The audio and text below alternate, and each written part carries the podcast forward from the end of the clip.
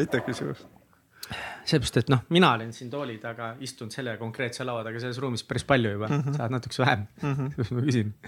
teinekord mis sa, kuidas esimene kord siia sattusid?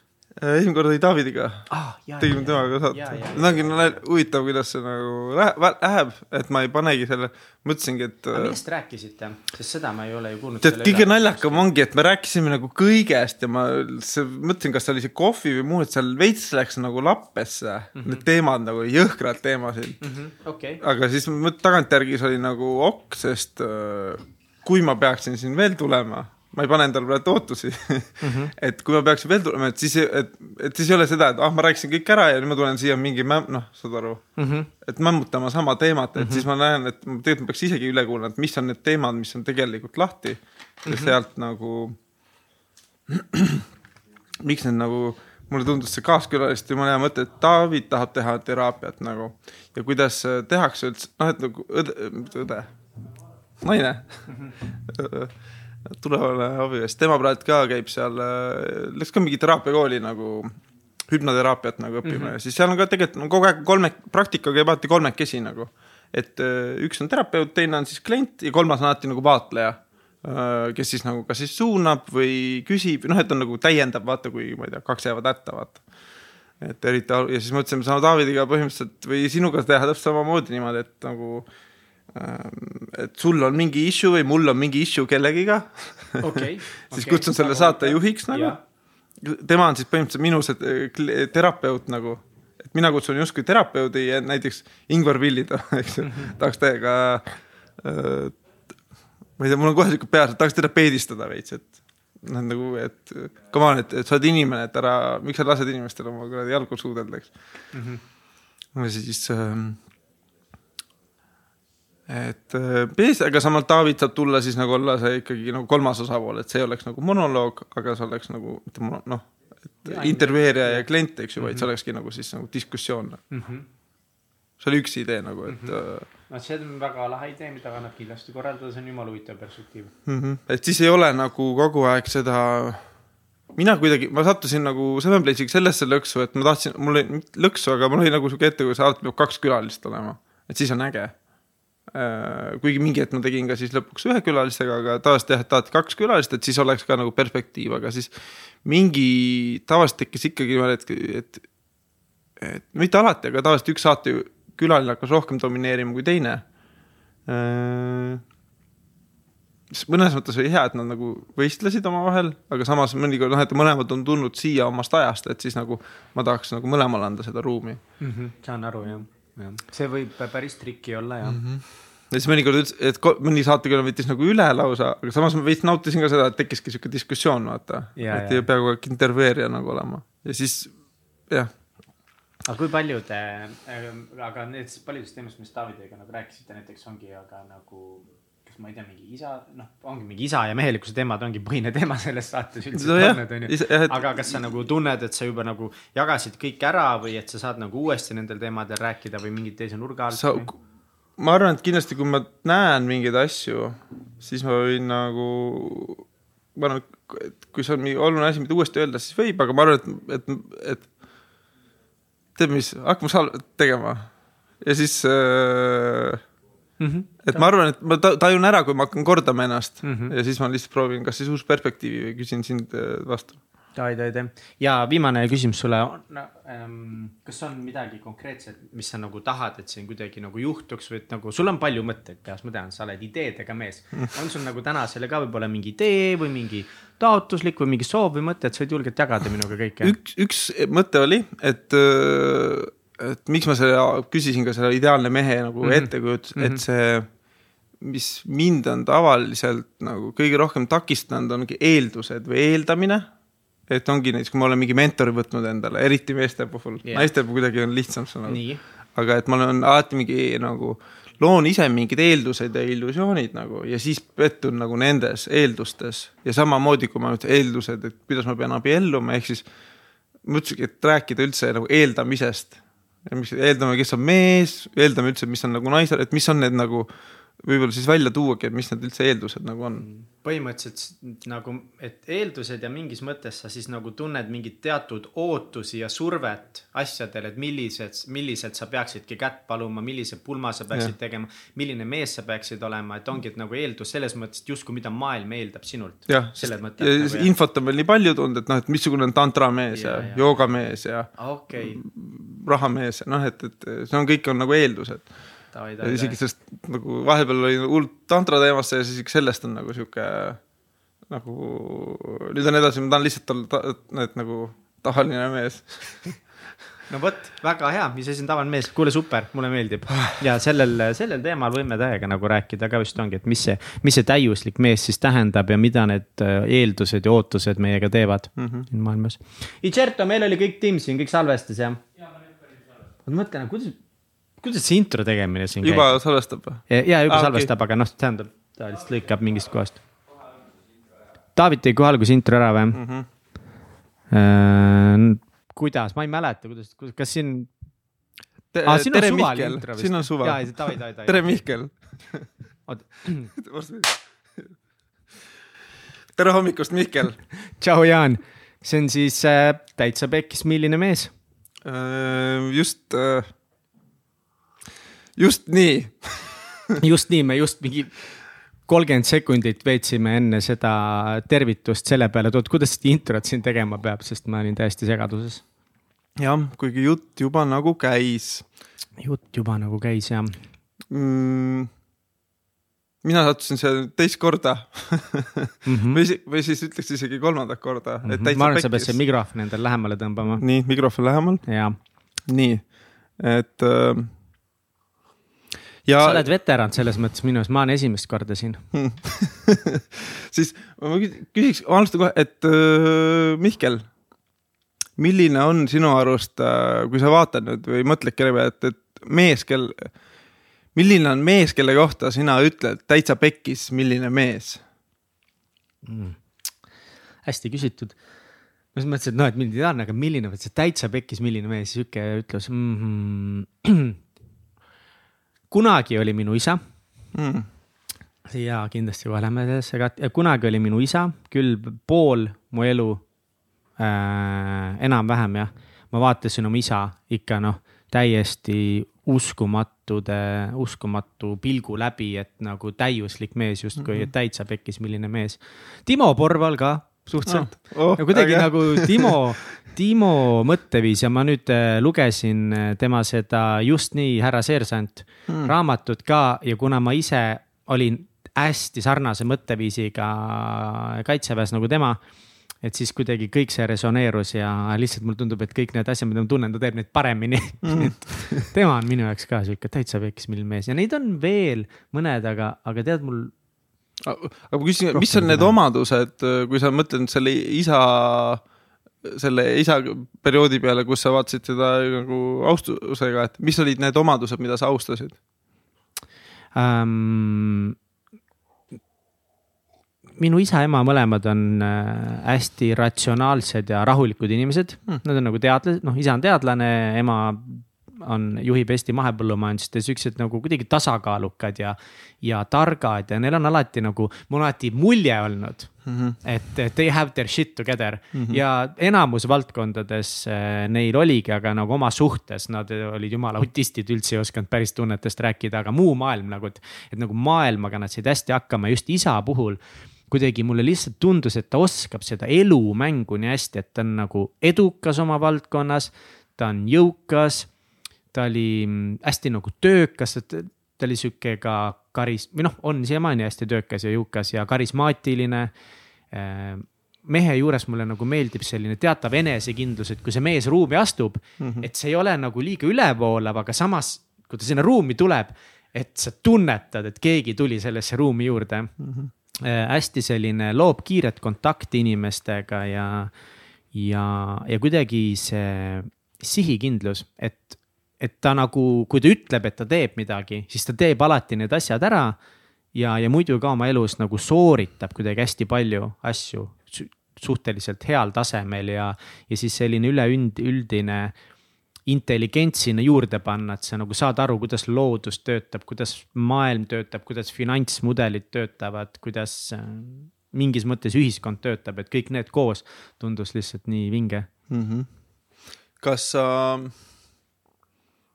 kui sa nagu, et kas sa täna pead neid väärtuseid samamoodi oluliseks?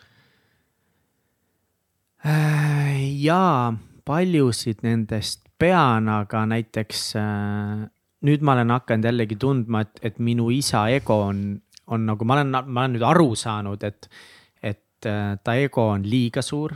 Ta on väga egotsentriline inimene ja, ja tema liiga suur ego ja ainult oma asjadega tegelemine, ainult nagu oma eesmärkide tagaajamine on vahepeal nagu minule või emale haiget teinud. ja mõnikord ka temaga koos nagu rääkides, nagu huvitav teda kuulata, aga vahepeal sa saad mingi aru, et nagu ainult tema räägibki ja siis ma nagu nii hullult ei väärtusta seda enam mm. -hmm.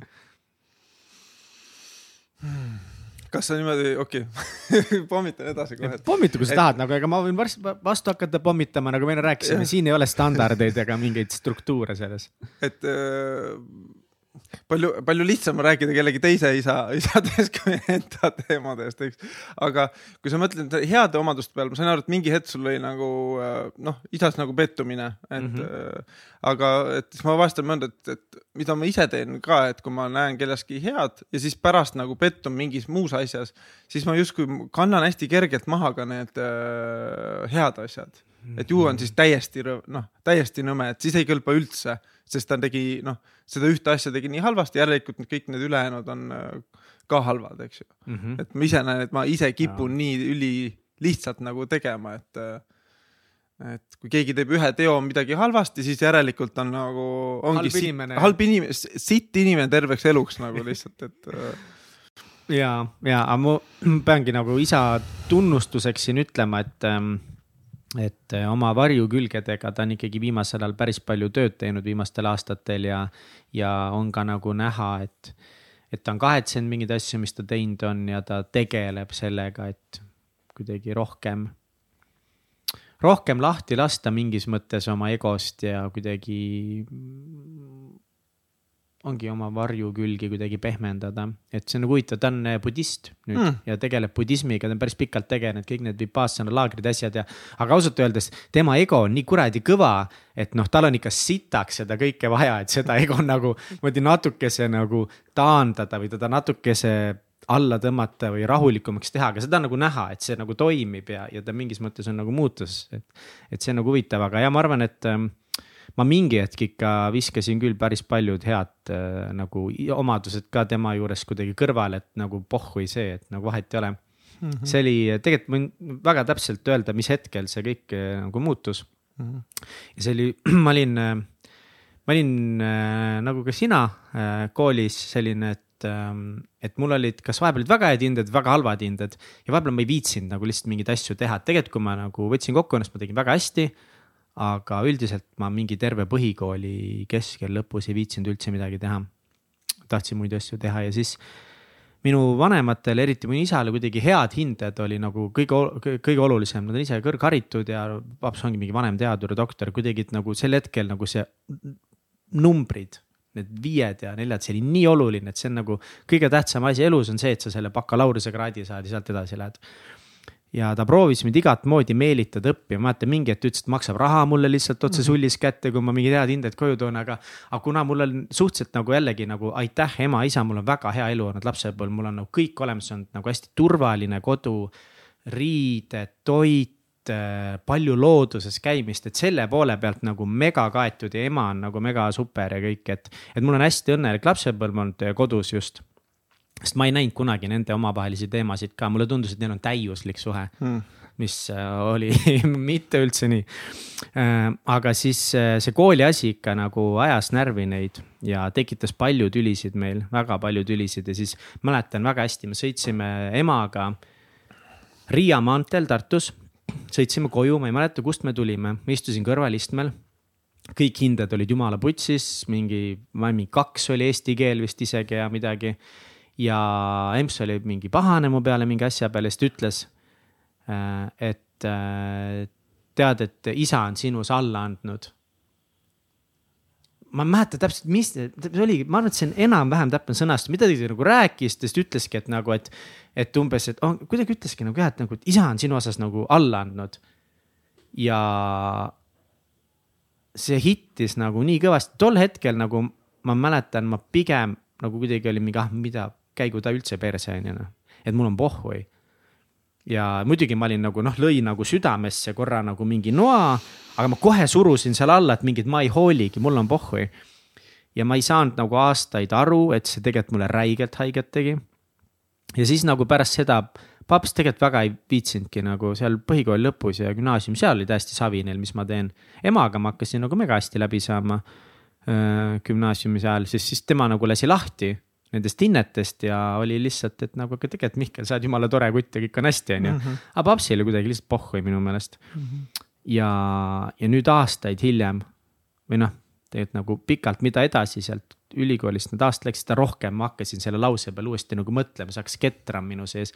ja vahepeal mõtlesin iga kuu selle peale, et mingi, su isa on sinu osas alla andnud mm. -hmm. ja siis kuidagi ma vist nagu saatsin temaga perse siis tegelikult oma, oma nagu hinges kõik vutsi ja võib-olla, ma ei tea, kas see õige hetk sisse tuua see, aga see, samas see ootus vaata, et äh, võib-olla tal oligi nii suur, enda peas tal oli nii kõva ootus nagu ja siis tema viis nagu sellesse noh, see ootusest tema siis nagu lasi sellest kuidagi niimoodi lahti, et okei okay,, ta siis ei oota mitte midagi, läks teise äärmusesse.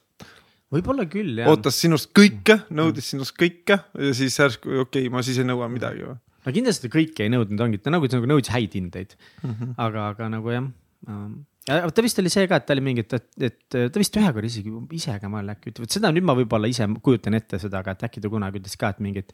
et, et umbes, et noh, et, et peab sinu väikse vennaga tegelema, temast saab vähemalt asja, et. mu väike vend on jällegi minule nagu vastupidiselt hullult hea õpilane olnud kogu aeg noh, ta võib-olla nägi, et mis siis saab, kui ja. ei õpi kust sa teadsid, täpselt nii oligi ja mu vennaga oli ja see. nüüd on äh,, nüüd on see teraapia koht, et, et kujuta ette, mida sinu isa vanemad temalt nõudsid siis.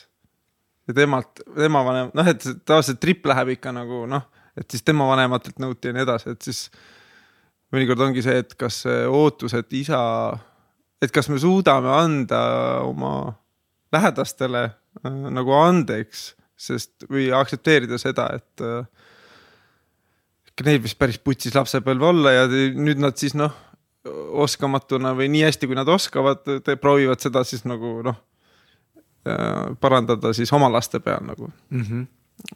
ja ja mu isal selles mõttes oli üldiselt nagu suhteliselt hea lapsepõlv, aga üks, üks must, üks hästi tugev muster nagu millelt sai see, et minu vanaisa, kes oli siis kirjanik Enn Vetemaa, tema tegeles ainult loomingu, ta oli täiesti loominguline, hästi südamlik, armas, tore inimene.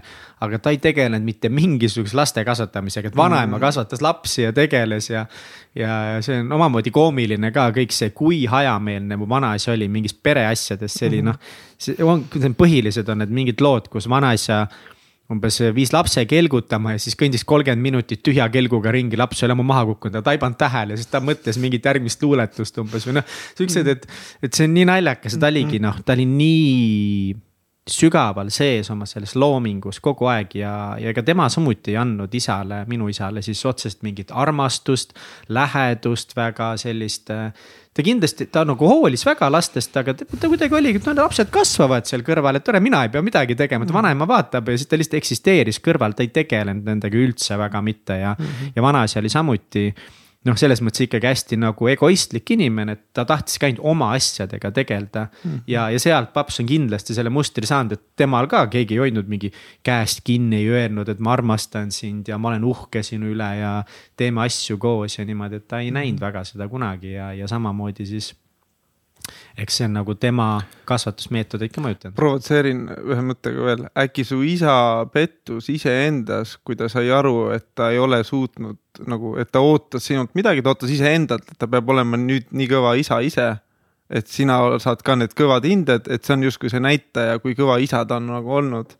Ja siis võib-olla ta, panen praegu hullu lihtsalt, et võib-olla ta siis pettus iseendas ja siis, et selle pettumusega mitte tegeleda, ta siis tõrjus sind eemale see on väga huvitav Ma lihtsalt panen mõte. reaalselt nagu tahaks, et ongi papsiks kuskile nagu teraapiasse minna mm. -hmm. siis ma tahaks aru saada nagu, mis on tema, mis ta peas toimub mm. -hmm. ma ei kujuta ette, see on väga huvitav teooria. samas on jälle see, et nagu mina olen ise mõelnud, et ma ema peale tihti noh, isa siis mul enam pole, kelle peale ärrituda, siis äh, jääb ema üle nagu. siis ema peale ärritudes ma vahest tuletan, ta ta vahest nüüd ise tuletab mulle meelde, et kuule, et ma olen nagu, vanad on nüüd, viiskümmend seitse, viiskümmend kaheksa, et, et kuule, come on, et nagu me oleme nõukogude aja inimesed, et noh, et, et see, et mul näiteks on võimalik tegeleda siin mingi mediteerimise või ma ei tea, seeni teha või mida iganes, et see on nagu ole õnnelik, et see, et kui nad nüüd sain ema Vipassanasse nagu ja see oligi viiekümne kuue, seitsme aastasena hakkab siis nagu piiluma sinna nagu viiskümmend aastat tegi-, noh mm. -hmm. kuidas öelda. sa pead seda mikrofoni rohkem suues hoidma, Normes ja. nii, ühesõnaga, et viiskümmend eriti kui aastat sa siin räägid. ja, ja lähen nii hoogu nagu ei, see on okei okay.. et viiekümne seitsme aastaselt Vipassanasse. jah, et mõtle või jah, viiskümmend seitse, viiskümmend kuus, et, et mis siit sealt hakkab välja tulema kõik, vaata, et sa ei ole nagu kordagi vaadanud, eks ju. tegelenud sellega Jah. pea kuuskümmend aastat. no sa, sa ei, nagu ei saagi nõukaajal, mis sa hakkad nagu rääkima siin nagu mm. -hmm. noh, spirituaalsest mõttest üldse ma olen noh, et sa oled hulluks läinud, eks ju, et äh, kas sa oled jumal, noh, et hakkad nüüd jumalat kuulutama, eks ju, kui me räägime siin spirituaalsusest, eks, et Mm -hmm. tänapäeval nagu, et selles mõttes tuleb nagu ise tänulik olla, et me elame ajastul, kus meil on võimalik selliste asjadega nagu tegeleda. jaa, täiega, täiega. kas äh,, aga sellesse Mhm. mm. nagu, kui mina vaatasin väga pikalt oma isa kui nagu täiuslik mees, kuidas sina oma isa vaatasid, eks ju? ma vaatasin terve elu oma isa kui täiesti ebaõnnestunud mees. Mm. Täi- nagu siis nagu vast-, et ma nagu et minu, mul oli nagu häbi terve elu oma isa üle, et tema nagu siis noh, ma arvan, ma olin kuus, viis, kui tema siis nagu noh, tõi Saksamaalt nagu autosid, laenas, eks ju, raha, et neid autosid osta ja siis pani nagu all in, mäletan ka, meil elasime ükskord väikses Rapla korteris ja maja ees oli vahepeal viis uhket autot, eks ju, sa oled nagu maja ees ja taga mõlemad, eks. noh, et issi, noh, et no väike laps, eks ju, ei oska mõelda, oh issi autod, eks ju, äge, eks ju. Mm -hmm. ja kui mingi hetk siis ta ei, noh, inimesed ei, ei ostnud ära neid autosid, jäid talle võlgu, teda lasti üle, tema mängi-, noh, ühesõnaga ta riskis nii suurelt, et ta mängis kõik maha põhimõtteliselt. mäletan, meil oli juba maja vaikselt valmimas ja siis loomulikult mina väikse lapsena tundsin, et minult võeti maja ära, et minult võeti isa ära. ühesõnaga Et, äh, paps siis nagu jäi võlgu niimoodi, et te pidite maja maha müüma või ära? maja maha, kõik need autod, eluaegne pankrot põhimõtteliselt. Et eluaegne isiklik pankrot ja kuni siis selle, ütleme, kuni siis enesetapuni välja, mis oli küll kakskümmend aastat hiljem umbes, et aga et kui vana sa olid, kui see maja ära võeti? ma olen kuueaastane, kuue, kuus-viis nagu. ja siis ma olin ikka väike laps, siis ma elasin nagu päris kõvasti seda nagu üle ja siis sihuke nagu häbitunne tekkis. ja kui hiljem tekkis siis veel kasuisa, ma arvan, kui ma olin kaheksa-üheksa, siis tekkis nagu teist, oh, et nüüd mul on äge kasuisa, siis nagu veel vähem ma nagu või veel rohkem ma siis nagu e e- eemaldasin ennast enda isast nagu ja see häbitunne jäi kogu aeg.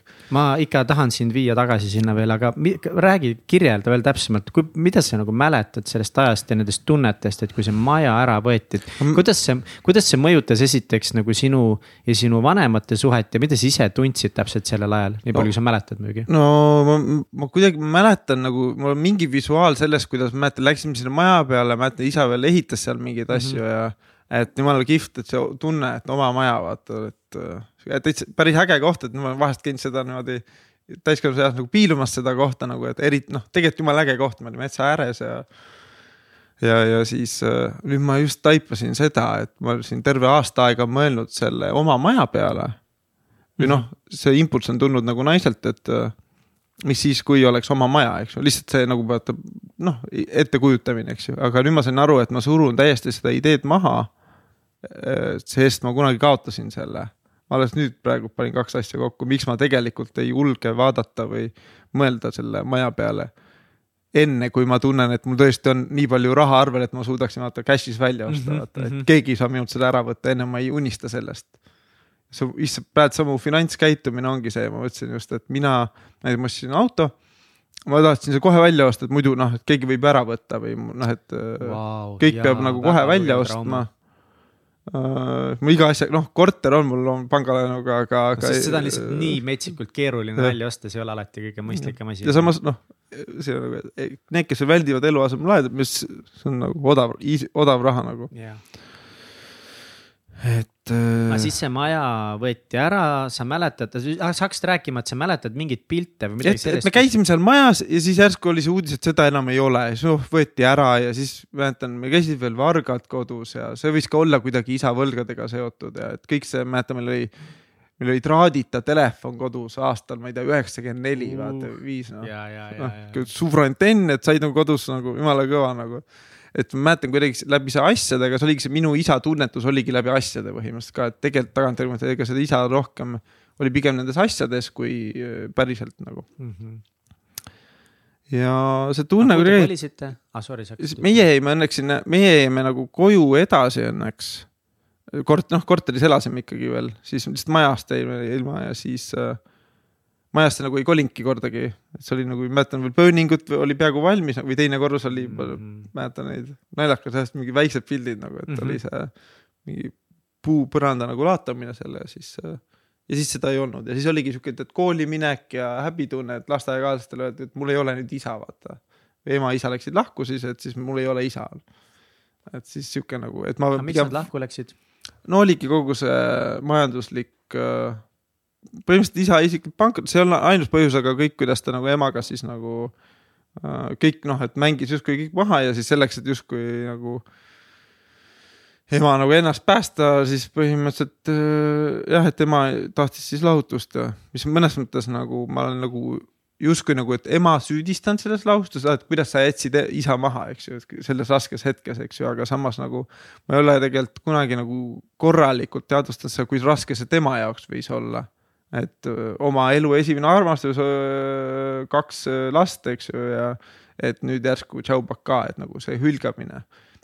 Tema enda poolt ka vist päris nagu raske ja valus olla ja ma arvan, noh, üks terapeut, suure tõenäosusega ema ei ole tegelikult siiamaani seda nagu see lugu oli nii jube, et ta ei ole siiamaani seda nagu lõpuni läbi töödelnud, sest see oli nii valus lihtsalt nagu noorena, et kui mõelda veel noh, ma arvan, et nõukaajal ju saadi lapsi saadigi mingi kahe, kahe, kakskümmend pluss saadi juba Mhm. lapsi, eks ju, et ma olen siin kolmkümmend pluss, et mõtlen, et äh, nüüd nagu, et ma siiamaani kõhklen, kas ma oleksin hea isa tegelikult, ma arvan, noh, tegelikult ma ei peaks seda üldse kartma nagu, aga aga, aga ma mõtlen kahekümneselt lapsi saada, et noh, kui ma ongi mõtlen endale no kahekümneselt, see tüüp, kes ma olin mingi kahekümne kahe, kahekümne kolme aastaselt, kui see oleks nüüd kellegi isa nagu.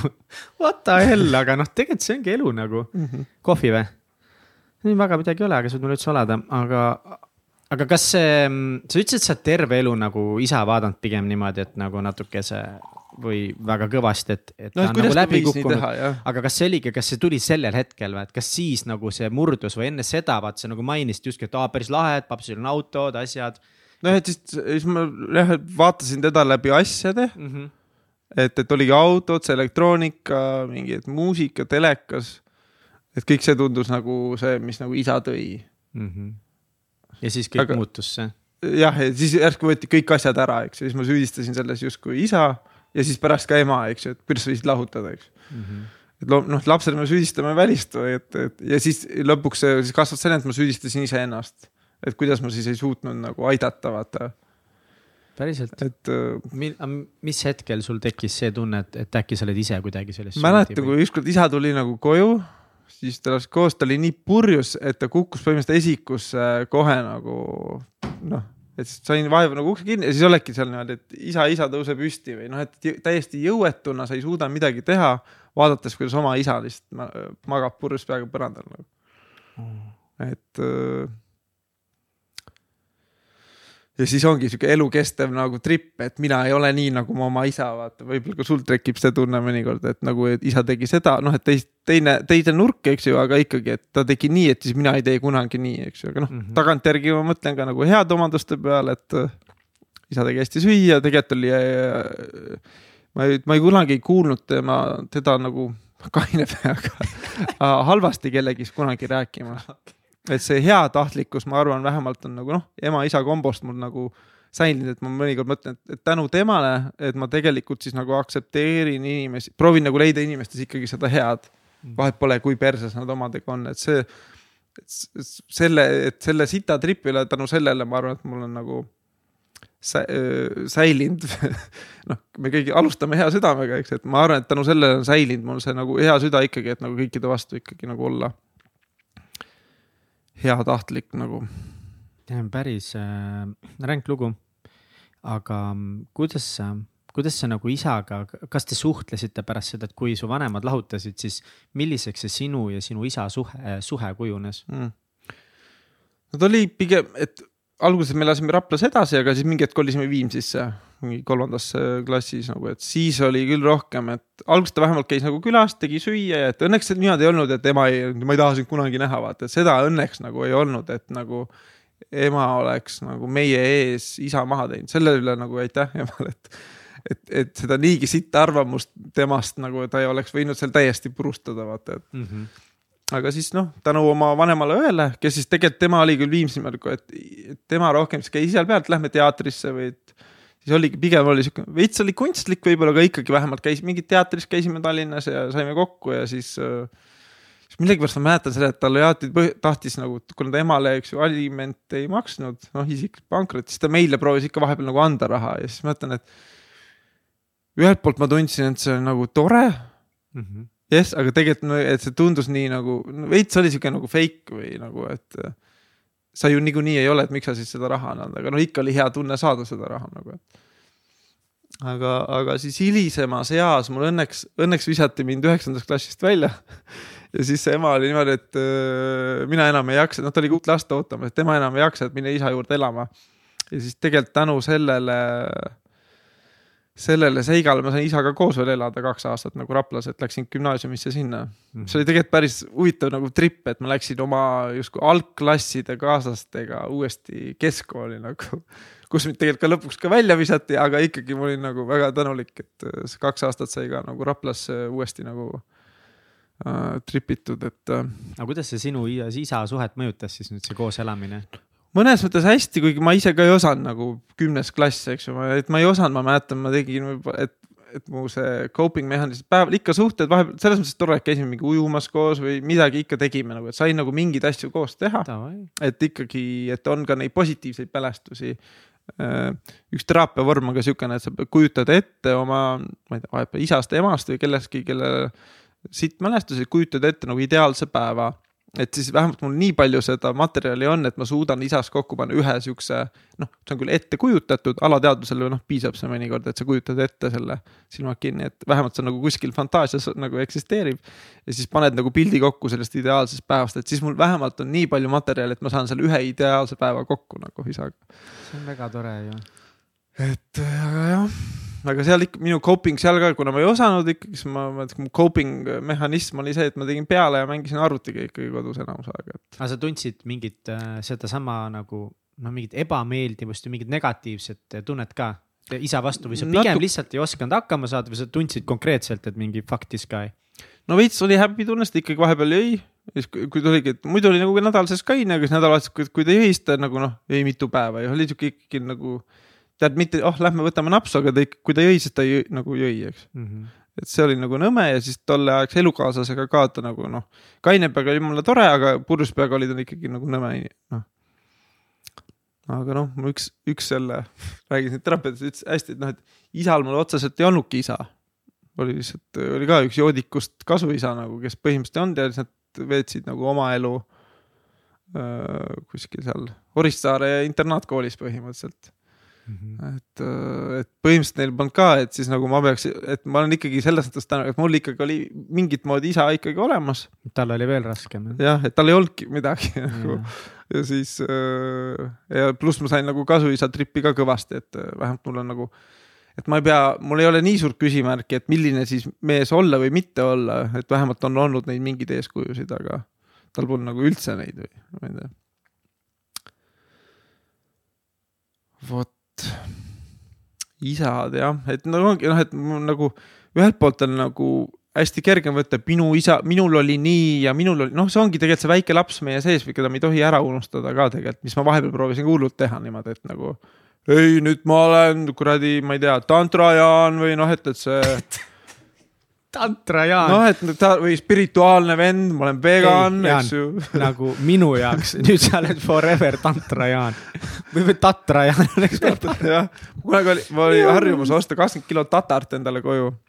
Ja siis ma, tead mida, ma ei ole kaks kuud eh, kodus mitte midagi muud söönud kui tatar ja muna, no ma panen tegelikult sinna muid asju veel juurde, avokaadoidud, salat ja mingid mm -hmm. peekonit ja niimoodi, aga, aga nagu baas on tatar. seepärast, et mulle ei meeldi süüa teha, mulle ei meeldi süüa, tüütu nagu koristada, mitte midagi, nii et ma söön korra päevas ja ma söön tatart kõvasti mm. tead, see on üli äh,, tantras öeldakse, et tatar on äh, üli young äh, toit nagu. et On, see on jah. nagu hea, et kui sa ise teed endale selle young toonuse ära, et siis, kui sa välja lähed, see on niikuinii vaata noh, nii noh, nagu meelelahutust mm. -hmm. noh, magus ja soolane ja aga ma viisin su mõttelõnga ära, sa hakkasid rääkima midagi, et, et, et noh, et, et tekivad nagu mingid illusioonid, noh, et nüüd mina olen tantrajaan, ma olen mingi Jah. muu asi, mis et need, et needsamad need ettekujutused võib-olla ja kõige suuremad ettekujutused tulevadki võib-olla lapsepõlvest, et noh, siis ongi mm. -hmm. fantaasia kõige ägedam, eks ju, et Mhm. ma ülinaudin oma õe väik-, lapsi, need mõnikord nagu näha, et nagu, et ühel veel on nagu see, tead, see lapselikkus veel täiega alles nagu unistab ja laul, noh, et nagu kõik siuksed nagu tead, see, mis tu- mõte on, see välja tuleb, eks ju, et mõnes mõttes see on jumala äge nagu see ettekujutamine, et mm. -hmm. seda ei tohi nagu ära unustada, see ongi nii raske nagu, et me lapsena hullult oskame fantaseerida, ette kujutada, mängida mõtetega, eks ju, aga siis ongi, tekivad need pettumused ja siis justkui nagu väldime seda ettekujutamist või noh, ma ütlesin, see maja unistamist, sest ma olen nii suure laksu saanud, päris huvitav nagu, et praegult alles saan sellest seosest nagu aru. et, et see maja unistamise ettekujutus, ma ei hakkagi seda unistama, sest ma tean, jälle võetakse ära, vaata. või et mul ei ole võib-olla raha mm Mhm. -hmm. selle jaoks, et mm. Mhm. -hmm. ränk, mis nagu, mis programmi mingid asjad, mis meiega lapsepõlves juhtuvad, kuidas need jäävad nii tugevalt eh, meiega nagu kaasa. et see on väga kummaline. aga ma tahan veits seda sinu papsi kohta mm Mhm. -hmm. veel teada, et äh, sa ütlesid, su isa tappis ennast ära. Mm -hmm. mismoodi, kuidas see juhtus? Olevat ennast seal purju joonud, tal oli vist niimoodi, ta vist töölt taheti kinga anda nagu. ja siis talle tuldi kuidagi, et nagu anna arvuta siia, anna arvuta siia, et anna kõik kliendid nagu ära, et noh, kindlustuses töötas nagu. vahest irooniliselt na naeran, et kui tal endal läks kõik putsi, siis ta ülejäänud elu töötas siis äh, äh, kindlustajana, aitas inimestel kindlustada asju nagu, täiesti sihuke paradoksaalne. Et, et, et, et siis et teisi teistel nagu... läheb, et siis oleks vähemalt midagi, mis aitab neid kuidagi. jah. siis ma vahepeal naerangi, et no see enesetapp oli põhimõtteliselt niimoodi, et ta kõigepealt jäi ennast purju. siis läks, pani korteri põlema. kus siis ta oma elukaaslasega elas. siis oli ta proovinud autot põlema panna, see ebaõnnestus nagu, sest siis oli juba nagu jälile saadud nagu. Ja siis ta oli tripinud, keegi tuli üles ei leitud, siis mulle veel helistati, et isa kammib ringi nagu, siis proovin, noh, telefoni tal ammu väljas, et ma arvan, ta oli nii juba psühhoosis nagu arstid ütlevad, et nii nagu tripis sees nagu.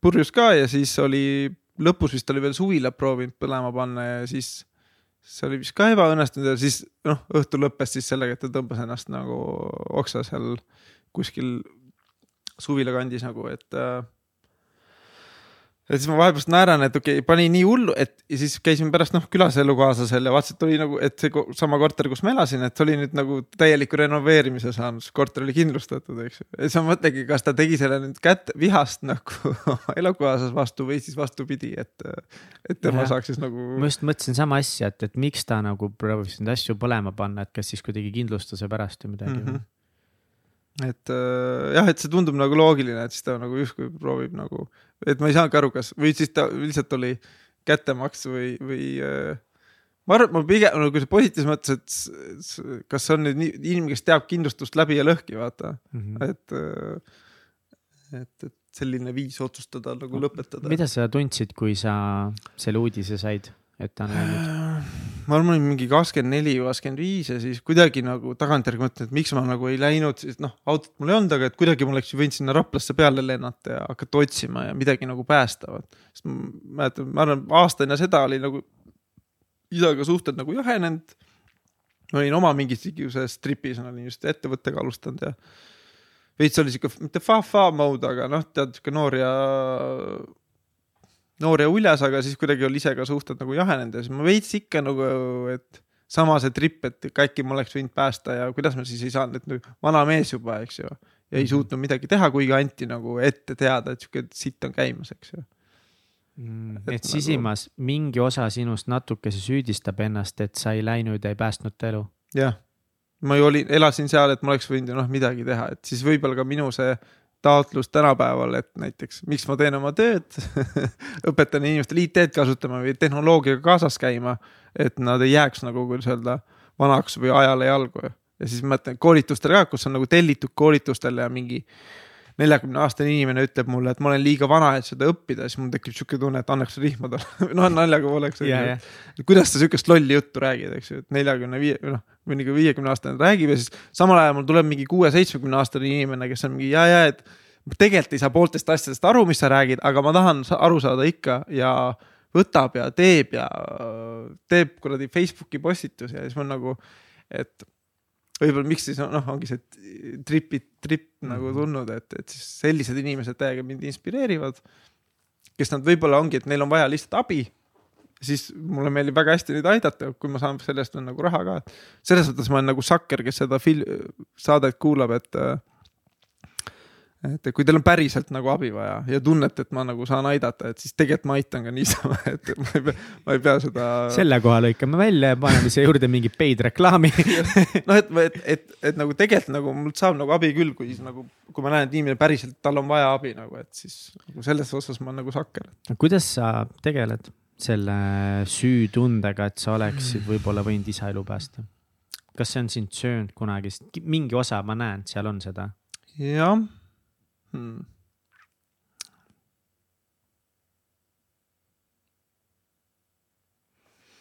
huvitav nüüd see, kui ma niimoodi korraks tagaplaanilt vaatan, et siis see muster, sest isal ma arvan, see, see, ma arvan, sihuke allakäigutsükkel nagu suurem lõpus siis algas peale tema enda ema surma, minu vanaema surma ja siis ma arvan, et tema võis ka ennast süüdistada selles mm. Mhm. nagu ema tripis nagu mm. -hmm.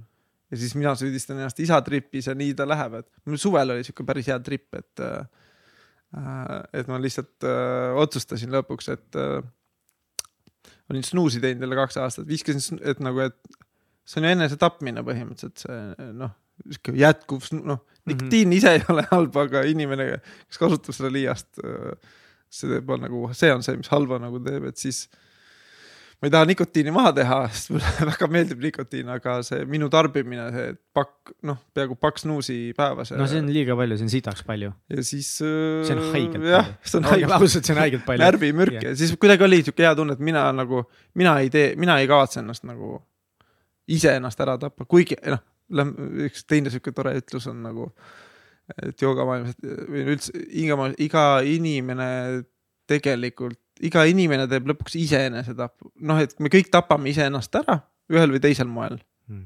et, et öö, kas me siis öö, sööme seda peekonit terve elu või litime seda kohvi kogu aeg, et, et me kuidagi nagu ähm,. noh, et inimene ei sure tegelikult ju surma. inimene sureb, ma ei tea, maksapuudulikkus mm. -hmm. Haigusesse. jah, et mingi, mingi asi ütleb lõpuks ülesse, mis meil siin on, eks ju Mhm. et, et äh, ja siis ongi, et vanasti see asi ütles ennast palju varem üles, eks ju, ja siis tänapäeval lihtsalt ongi mingi asi areneb tavaliselt vähiks välja, et mäletan kuskil oli sihuke statistika, et enne esimest maailmasõda inimesed nagu suridki normaalsetesse asjadesse nagu kopsupõletik või ma ei tea, mingisugune jalapõletik, vaata või noh, mingi lambivärk, vaata, aga siis äh, eluiga pikenenud, nüüd on, ongi enamus on mingi vähk või äh, vähk, või mingid insuldid ja noh, et see on nagu see top põhjus, et äh, sa läksid suht kaugele sellest isa teemast, ma vaatan, kas see on, kas see on midagi, mida sul on väga raske kuidagi üldse nagu rääkida sellest või mõelda sellest, kui palju sa üldse mõtled nagu täna oma isa peale ja sellest suhtest, mis teil oli vigadest, mida tema tegi, vigadest, mida sina tegid? vist see suvi sain alles aru, vaata enne rääkisin ka, et siuksest esitasin endale ja tänu ühele sõbrale, sõbrannale ütlesin, hakkasin enda käest küsima, tema küsis minu käest, mida ma päriselt vajan. Mm -hmm. siis mul tuli selle peale selline vastus nagu hästi nagu puha, ma ütlesin noh, et ma nagu ei, ei pannud nende ühtegi nagu siukest piiri peale, siis ütlesin, kus issi on. nagu, siis ma sain aru, et ma ei ole väljendanud seda isa igatsust tegelikult nagu korralikult lõpuni välja, ei oma ema ees, noh, sest ma arvan, emal võis ka väiksem igatsus olla ja noh, üldse kellegi tegelikult ma nagu jumala igatsesin, igatsesin oma isa, eks ju. eriti see, ma mäletan ärakolimine Raplast Viimsisse, et siis nägi, siis ta ei olnud isegi sam-, noh, siis kadus see kontakt nagu läkski nagu väga hapraks. jah, ja, ja, ja siis oligi tegelikult minu see kaitserefleks, et siis mõelda edasi, et tunda seda tunnet, et noh, ma olen, et olin väga kurb, et olen väga kurb, et isaga läks nii nagu läks. siis minu coping mechanism on küsida siis Mihkel, mida sina päriselt vajad. saad aru, et ma, noh, et sa tahtsid teistele anda, hakkasid keskenduma teistele inimestele kuidagi või? jah, siis mäletan, läksin kohe Facebooki, kirjutasin sama küsimuse, jumala head vastused, noh, inimesed hakkasid kohe kirjutama, et see on jumala hea trigger küsimus, aga et siis sellega nagu. jah, et ma oskan väga hästi nagu asju ümber pöörata. et ise mitte otsa vaadata, et. jah, et kui, kui ma endale, endale otsa vaatan, siis tegelikult ma olen väga kurb, et nii läks. väga ausalt öeldud.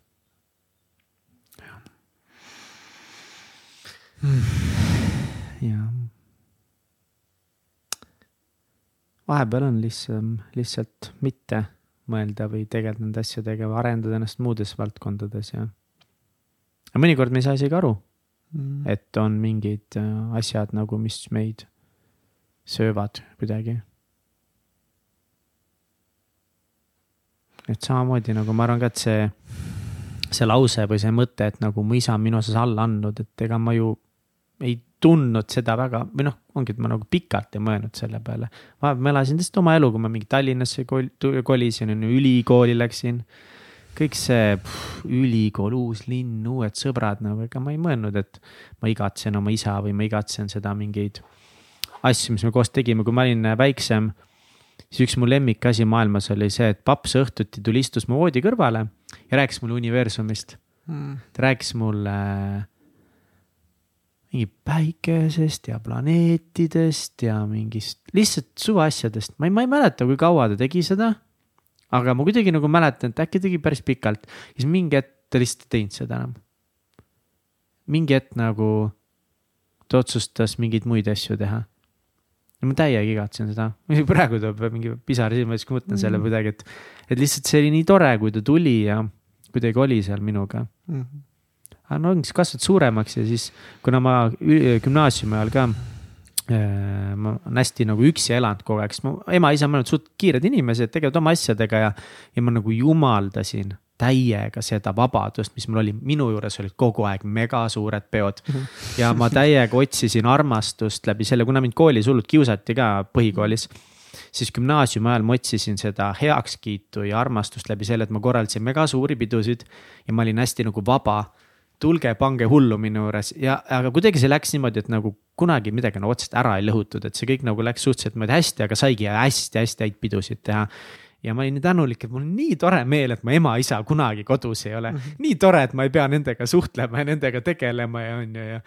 ja nii tore, et siis teised poisid saavad minu juurde tulla ja öelda, et ah, Vetu, nii kõvad peod on sinu juures, et, et see kuidagi täitis seda armastuse kohta ja ülikoolis samamoodi, oh nii tore, et on ju, saad mingi ülikoolis olla nii, et, et üldse alles nagu hiljem, aastaid hiljem hakkasin mõtlema, et näed, tegelikult nagu. et selle asemel, et mul on suur kodu ja, ja nagu noh, raha ja kõik, et nagu mul on ikka ema-isa on nagu finantsiliselt mind toetanud nii palju terves elus ja ma olen saanud väga palju lubada endale ja, ja olen saanud kogeda häid asju. siis kuidagi tegelikult nagu oleks tahtnud lihtsalt emme-issiga nagu elutoas istuda, rohkem juttu ajada ja, ja ka vanema inimesena. Mm. aga nüüd ma emaga olen nagu väga palju lähedasemaks saanud viimasel, viimasel ajal. emaga alati hästi läbi saanud üldiselt, aga kuidagi nüüd nagu suhtlen palju rohkem, vot saad vanemaks ka, siis nagu tekib rohkem neid asju, millest rääkida. aga siin mul tuleb kohe meelde Timo Porval, kes ütles, et tema oma üheksa aastase pojaga räägib väga deep conversation eid, Mm -hmm. et nagu proovad, proovad, et kus, et kas on vaja, et kas, jah, kurat, ma tahtsin juba hakata para-, nagu o- täiendama, et kas nagu, et lapsel lasta laps olla või on vaja teda kohe nagu teha, vaata. mis mõttes, ma oleks, et, et nagu, et kas lapsel lasta olla laps või on teda vaja kohe teha mingisuguseks asjaks, et siis ma mõnikord näen, et osad van-, miks ma, ma jälle hullult nagu hullult tahan sind äh, täie nagu tä,, nagu mitte tahaksin nagu. mõtlen, kust see tunne tuleb mul, esi-, esiteks see tunne on see öelda, et, et lasta lapsel olla laps, et mm -hmm. tegelikult ei ole vaja nagu kogu aeg nagu tegeleda, noh, ma näen osadel, noh, mul õnneks on väga palju väikseid lapsi läbi sugulaste nagu kontakt, hea kontakti nagu saavutanud mm. -hmm et siis ma näen, et osad nagu kogu aeg tahavad midagi, näed, kogu aeg on programm, eks ju, ma ütlen mingi väike laps, tulge mulle külla. siis ütleb, oota, ma vaatan, kas ma kuu või kahe pärast saan tulla, eks ju seitsme-kaheksa aastane, siis mul on nagu, et what the fuck, et mõttes äge, aga samas sa oled laps. võib-olla, vot see ongi siukse ekstreemsuste nagu värk, et kas mm -hmm. sa mhm. nagu liiga palju tegeled oma lapsega ja nagu ei lase tal väga olla või siis sa nagu üldse ei tegele mm. -hmm. et ma arvan, et eks see ongi jälle sihuke mingi tasakaalu küsimus, et, et ma veetsin kodus üksi tunde legodega mängides mm,. näiteks ja ma mängisin legodega ikka nagu, ma ei tea, mingi neljateist, võib-olla isegi viieteist aastasena vahepeal ma nagu ikkagi mõtlesin, et kurat, paneks midagi huvitavat nagu kokku ja noh, päevi võib-olla isegi, võib-olla nädalavahetusel ma tegin kaks päeva jutti niimoodi, et nagu kuusteist tundi lihtsalt istusin. lõpuks nagu vanemate vana magamistuba äh, kolisid sealt välja, ehitasid endale uuema, suurema magamistoa pööningust. ja siis sellest sai minu legode tuba mm., et mul eraldi tuba, väike sihuke toak, kus ma sain legodega mängida ja no reaalselt ma võiksin sinna jääda ja sel hetkel ma ei oleks kindlasti tahtnud, et. et keegi mind sealt nagu ära võtaks või mingi programmi mulle peale paneks, et selles mõttes ja vahepeal peabki laskma lapsel nagu tegeleda ja, ja minu ruumiline mõtlemine ja muud mingid teatud asjad on metsikult head, sest ma nagu õppisin mingeid klotsi asju kokku panema hästi-hästi pikalt. aga nagu see ongi nagu see, et, et see isa kontakt, et piisab ka sellest, kui ta ongi õhtuti tuleb ja kümme minutit räägib sinuga mm, -hmm. aga on päriselt sinuga nagu seal kohapeal olemas mm. -hmm. ja kuidagi sa tunnetad, et ta tunneb huvi sinust ja hoolib sinust ja küsib asju sinu käest võib-olla. et, et see, ka see väike kontakt on nagu mm -hmm. piisav. aga see tiim nagu see, miks ma praegu miks see trigger praegu mul käis kohe, kohe hakata mm -hmm. nagu para-, mitte nagu täiendama nagu. väga huvitav, nii mm, -hmm. jätka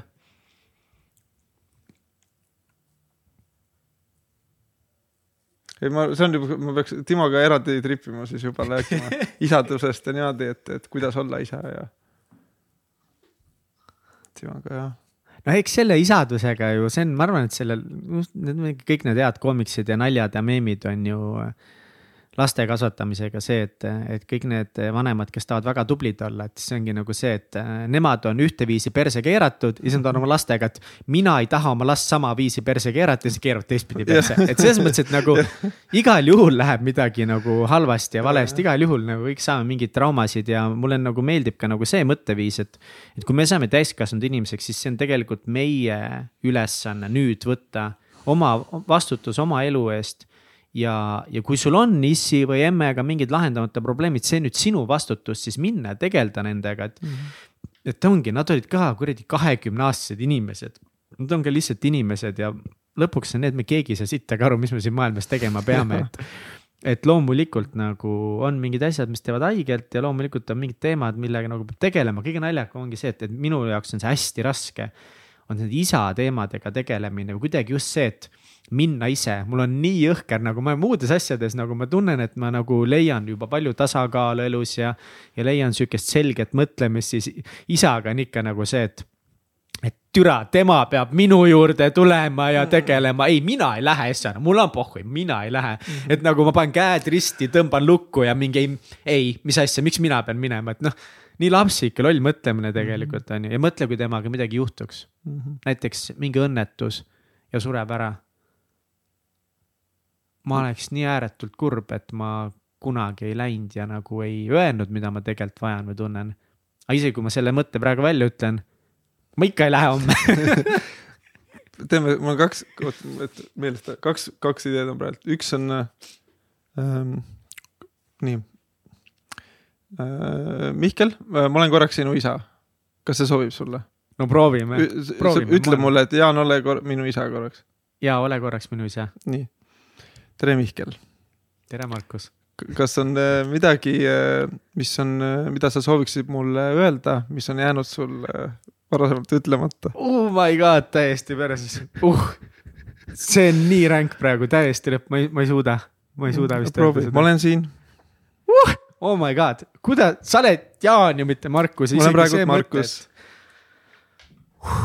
mida fuck'i, miks see nii raske on? Ma tunnen, mu üle keha, ma ei suuda paigal istuda ja ma hakkan tõmblema koha peal. küsi uuesti. Markus, mida sa vajad? vabandust, Mihkel, Mihkel, mida sa vajad?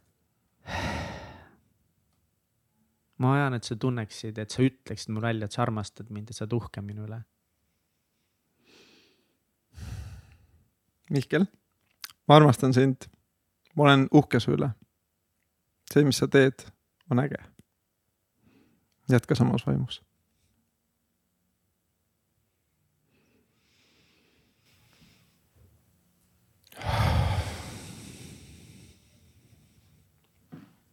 Mihkel,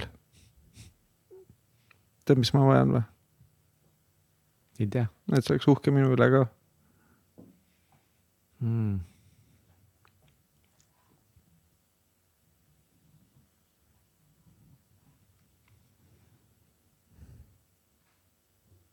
Väga raske on olla, väga raske on nagu pakkuda ka seda uhkustunnet mõnes mõttes nagu ma olen täiega su üle. aga kurat, täitsa lõpp nagu mõnes mõttes mingit lapsikut jonnakust on ikka nii palju sees. täiesti nagu, mis ei ole üldse tegelikult põhjendatud otseselt või kuidagi nagu mm.. Mhm. ma olen väga kurb selle üle, mida ma tegin. ma arvasin, et see on tol hetkel äge ja õige, aga ma ei ole selle üle üldse uhke.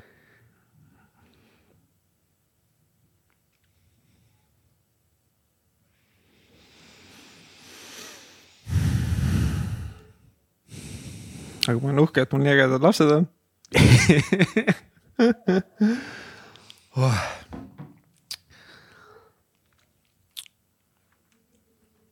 Äh, kui me käisime Jeniga, Oota. kas, kas sa nüüd räägid veel Markusega või tahad Jaaniga? ma tahan Jaaniga rääkida. siis ütle mulle, et Jaan, sa ei ole enam Markus. ei, Jaan, sa ei ole enam Markus, aitäh sulle. aitäh sulle. see oli tegelikult Jaan, see oli väga ähm,, me ei ole mitte kunagi äh, neid asju niimoodi võib-olla kõva häälega kuskil öelnud, seda, sellepärast seda oli ikka päris palju mulle praegu, aga see oli väga huvitav ja kihvt, et sa tegid see oli täiesti ootamatu harjutus mulle ja mingis määras nagu see natukese vabastas praegu öelda nagu välja need aga noh, samas ma nagu tunnen, et see peaks olema nagu minu isa, aga kuidagi ma olen tegelikult suht nagu segadus, nii palju emotsioone on praegu sees. kuidagi väga raske on ähm, oh, tegeleda nende emotsioonidega, ma tunnen, ma mingil määral tahan nagu teema kuskile ära viia ka vaata natukese tunnen seda vajadust, et mingist muust asjast rääkida. et mitte nagu lasta nagu settida sellel emotsioonil või. jah, väga kohmetu tunne on tegelikult. kas ma võin sulle kalli teha? jaa, sa võid mulle kindlalt kalli teha.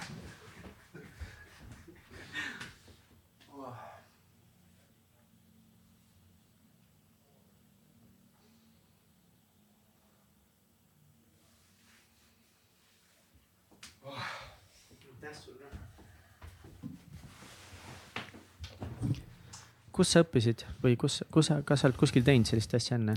see on, ma olen käinud, see on konstellatsioon, nimetatakse praktikaks, ma ise olen paar korda käinud ja saanud sealt ka päris siukseid toredaid nagu värke, et sa põhimõtteliselt teoorias sa saad seda teha nagu asjadele ja objektidele ka, et sa lihtsalt nagu korraks nagu annad selle energia mingitugustele asjadele ja siis vaatad, kuidas nad käituvad, et sa võid tegelikult panna ka niimoodi.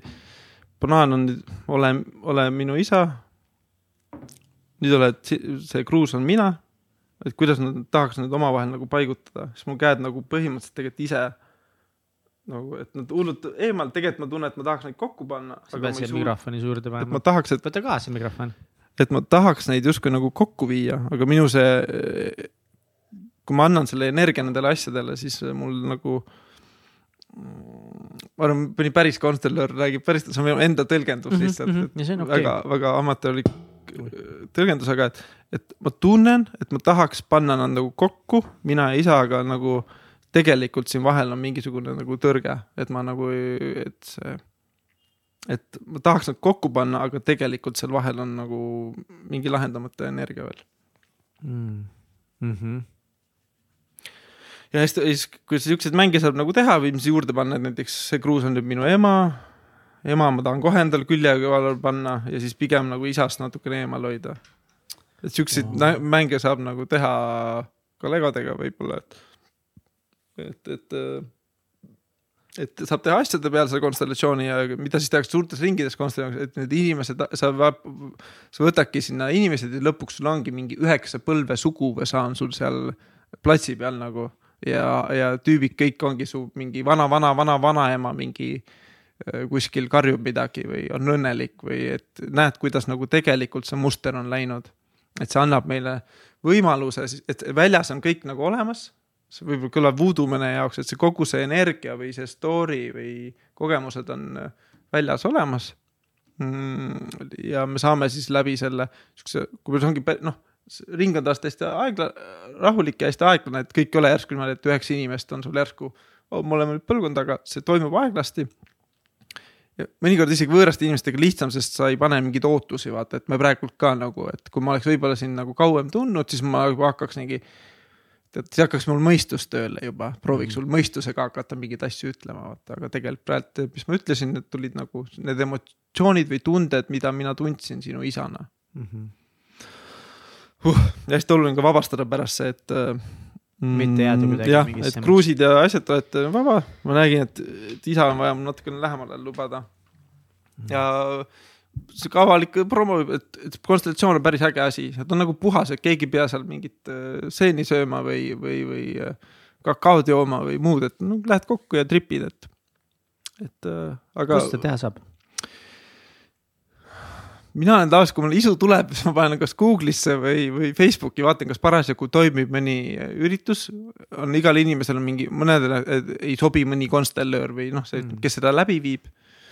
aga konstellatsioonid tava, konstellatsioon, et see on sihuke, sihuke märksõna, mille peale tavaliselt äh, muid asju väga ei tehta. aga sa oled käinud seal konstellatsioonides, kas sina oled seal näiteks sarnaselt nagu sa praegu minuga tegid, rääkinud oma isaga või mingeid asju öelnud isale välja või? isaga ma näen, et mul mingid asjad ja ma sain üks, ükskord, no seal oli ükskord teistmoodi täitsa sihuke, teistmoodi trip satub, et ma suvel käisin sihuke konstellatsioonilaager oli kahepäevane.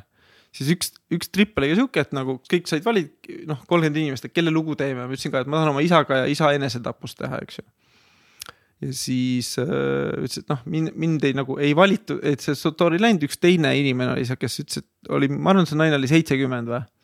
ja siis ütles, et, et äh, et tal tegi, vend tegi enesetapu mingi viisteist, kuusteist aastasena, eks ju, ehk siis mingi viiskümmend aastat tagasi või midagi sihukest tegi enesetapu ja ta ei ole siiamaani aru saanud, miks nagu. ja siis, et toome selle story'sse, kui kõik vanemad on ammu surnud, kõik on nagu ammu surnud põhimõtteliselt. ja siis kohe, kui ta hakkas nagu te tegema, seal noh, ta siis tavaliselt see, kelle lugu on, ta valib siis, ta mingi tut, põgusalt tutvustab seda probleemi, eks ju, ta ei räägigi mingi sügavaid tagamaid, vaid siis tuligi, valis ühe inimese enda iseendaks. teise inimese oma vennaks siis valis mind. ju, et ja siis ma kehastusingi selleks enesetapu sooritanud vennaks ja siis ma sain nagu läbi selle story, lõpuks seal küll ütleme seal välja peal oli mingi kümme-viisteist inimest. seal tuli lõpuks noh, seal välja, et mina olin siis noorena oma kasuõega sebinud põhimõtteliselt. ja siis oli nagu terve küla teadis sellelt, ema nagu proovis varjata selle kõikide eest. isa proovis aktsepteerida seda, et, et sellest tehti hull häbiasi ja mina siis lõpuks sooritasin enesetapu sellepärast, et äh, oma vanematele rahu saada ja endale ka, et ta ei jaksa, et, et ma ei jaksanud selles häbis enam elada. ja, ja siis ma sain nagu kogeda seda häbitunnet kõigepealt, et mis on see, kui häbi sul peab olema enne, kui sa võtad oma elu, eks ju. ja, ja samas ka see häbi ja kah jah, et ma sain nagu justkui nagu grammikene vähemalt aru samastuda oma isaga, et, et mis oli see häbi äh, või kahjutunne, miks ta otsustas iseendalt elu võtta. et siis see natukene andis mulle nagu seda, vähemalt seda tunnet. et, et, et aktsepteerida oma isa otsust, et ähm, kuigi nagu noh, raske on, aga et siis ühesõnaga konstellatsioon võib lahendada ka nii, et sa ei pea alati oma lugu seal nagu letti käima, aga sa lähed sinna rolli, kus sa parasjagu pead olema ja saad natukene nagu lähemale. et ma tunnen, et ma oma ema asju olen nagu noh, lähemale sa-, paremaks saanud, aga isa asju veel on nagu, on veel avastamist ja aktsepteerimist. et mõnes mõttes on tore, kui kõik ära avastada, eks ju, siis ongi nagu, ma ei tea, ma alati naersin seal kes Star Warsi vaatab või mitte, aga seal uutemates osades oli ühe osa lõpus, kus üks tüüp siis vaata, mediteeris ennast sinna lahinguväljale ja peale Mhm. seda ta siis nagu Luke Skywalker jah, lahustus siis sinna valgusesse, eks mm. -hmm. tuli ära põhimõtteliselt. nojah, ja siis ma, siis ma naerin, et see tema, et tema, et tema saavutas siis valgustuse ja et sellega oligi lõpp. ja Jah, siis et siis ongi, et miks ma praegu, et, et kui ma nüüd kõik korraga saaksin nagu lahendatud, siis what's the point of living nagu, et. mida siis edasi lahendada, jah? jah, mõnes mõttes see on tegelikult, ma pean nagu nõustuma sinuga, et, et, et eks see elu ongi ju rännak, üks asjade lahendamine ja, ja need väljakutsed ja siis need kergendused ja see kõik annabki elule selle, selle värvi. jah, jah aga sul on, sul oli kasuisa ka. mm. -hmm. mis suhted sul temaga oli või kas tema suutis sinu jaoks eh, mingil määral siis täita selle isa rolli ära mingite aspektidega? see on nagu, et mõnes aspektides ta oli ülitore, noh, et ta tuligi, siis ta oli nagu siis nagu selles mõttes edukas. Et ma kohe, oh, et näe edukas, et noh, et saimegi, noh, kolisime Viimsi, sai Soomes käia mingi mökkides, jumala tore oli tegelikult, et ta nagu võttis kohe oma külje alla mõnes mõttes, et ma tundsin seda, et kasvõi nagu, et see kaks korda kuus oli nagu sihuke äge isa ka nagu, et siis noh, praegult niimoodi väga tore, et siis mõnes mõttes nagu äge, aga siis mingist hetkest nagu oligi, tema üliägedad omadused, kuidas ta hoidis siis nagu seda meie pere Eestis koos, tal või Soomes on veel ka kaks noh, minu kasuõed siis mm,. sama, et hoidis nagu seda veel koos, eks ju, pluss veel suurt ettevõtet nagu ka siis ettevõtte pere hoidis nagu koos ja siis oma ema, ühesõnaga ta oli nagu isa mitmele inimestele, kaasa arvatud oma töötajatele, ma arvan, et sest tal jälle omakorda oli, ei olnud isa. et siis sellest ta oli nagu niisugune üleisa ja siis sellega en- enda keha ja enda energiat ka ohverdades tegelikult, mis siis lõpuks viis tema nagu minu jaoks ikkagi suht varajase surmani et äh, sai peale ühte jõule, mis mõnes mõttes oli tore, et oli jõulud olid ära ja siis ta läks Soome jälle, töönädal algas, jõhkrad pingeajalised ajad ja siis tal insult oli ja siis suri siin Soome nagu Soome koju meil mida sa tundsid siis? Siis ma tundsin vist kõige rohkem sellist, et mis saab nüüd minu emast, jälle noh, et teist korda nagu jääb, et mis saab minu emast, mis saab minu poolõdedest, siis väikestest õdedest, et, et ma arvan, kõige ägedam asi, mis mu kasuisast jäi maha, on minu loomulikult kasuõed ka, aga minu siis väiksed õed, et noh, nagu ikkagi oma õed, et see on nii tore, et ma nii väga armastan neid ja hoolin neist, et see on nagu elule täitsa uue perspektiivi andnud ja ma arvan, et et see veits enne seda show'd rääkisime ainetest, narkootilistest ainetest, et ma arvan, et ilma oma väikeste õdedeta ma oleks palju nagu sügavamalt otsinud seda välist armastustunnet läbi ainete, läbi pidude, aga ma arvan, et sealt nagu läbi väikeste õdede ma sain sellist nagu tead ehedust ja äh, et mind, mind, et mind on ka vaja või seda tunnet, et äh, aga kas sa kuidagi universumi peale pahaseks ei ole saanud või et nagu et kurat, et miks sinul ei või siis seda ühte normaalset isa olla lõpuni välja, et et üks on, kellega on probleeme, tema lahkub, siis on teine, kellel on mingid teatud plussid, teatud miinused, tema võetakse Mhm. sult ära. mis toimub? päris rets jah, et mul nagu isal ei olnud isa, kasuisal ei olnud isa. nüüd nagu sinul ei ole isa. Siis mul, mul ei ja siis mul tekibki see veits on see, pluss mul on siis kokku on siis viis õde, noh, et kasuõed ja poolõed ja pärisõde kokku, et siis nagu. ja ema, et siis kõige lähedasemad inimesed on mulle jäetud siis nagu kuus naist jah, ja siis äh, praeguse elukaaslase on naine, tema koer on emane ja siis noh, naine ja siis äh, noh, minu nüüd noh, tema koer, meie koer on siis yeah. naine ja siis meil oli kass oli ka alguses, noh, ta suri ära, tema oli ka naine, siis ma vahepeal naersingi, et tal on seal kuskil väljapool on oma, oma naised, siis on nagu veel need oma naised nüüd siin nagu, et yeah, jaa, jaa. ma, ma nagu väga, väga, ma ei üllatuks, kui ma saaks universumi poolt esimeseks lapseks ka tütre nagu, et Ahah. öö, see oleks päris nagu naljakas. õel on jälle kolm poega, et aga oled sa siis universumi peale pahane olnud või kuidagi või? ma mäletan vist kasuisa nagu, matustel, ma millegipärast pidasin vajalikuks, et mina nüüd kannan seda kirstu ka ja siis ma mõtlen, see hetk pärast läksin kiriku kuskile kõrvale, ma olin nagu nii vihane nagu kõige peale. kasu, noh, mitte kasu peale vihane otseselt, aga see kogu aeg, et kuidas saab nii jälle nagu, et mm. -hmm, muidugi. ja eriti selle peale, et kasuõed jäävad nagu, või siis noored õed jäävad siis öö, üksinda. selle peale ma vist olin kõige rohkem vihane. naljakas, jälle sihuke, et ikkagi oma egost ja ootustest lähtudes olin nii õnnelik, et minu väiksed õed saavad endale enam-vähem täisväärtusliku pere ema ja isa näol, eks. ja jälle põhimõtteliselt sama vanused ka, kui mina, mina ja vanem õde siis jäime isast justkui ilma, eks. ja siis, kui see on ju see kurb hetk tuli, siis oma leina sa ikkagi natuke selle protsessi läbi selle, et issand, et kuidas need teised nüüd hakkama saavad. jah. mitte no, ikka... et nagu, et issand, aga mina kaotasin ka ju. ja, jah, seda küll jah, et jälle ma olin nagu, et ei, mul ei ole vaja, vaata et ma olin justkui dista-, mitte distantseerunud, aga proovinud hästi ennast nagu self-sufficient. mis ka võib-olla mäletan kasuisaga nagu lõpuni välja ei andnud seda nii, nii, nii, nii sooja suhet, kus ma tegelikult olin alati mina ise. kuigi nagu see mina ise oli pigem suunatud ema vastu, et kasuisaga kuidagi oli alati, tegelikult oli nagu, kui vaja, siis oli ikkagi normaalne suhe, et selles mõttes tore. tema oma, oma muude nõmedustega, noh see on jälle see, et nagu, et üliäge kasuisaga näiteks ta oli vahepeal oli vägivaldne. et mm. äh, ema vastu või minu, noh, minu vastu ka, kuigi ema oli ka minu vastu vägivaldne. mida see tähendab?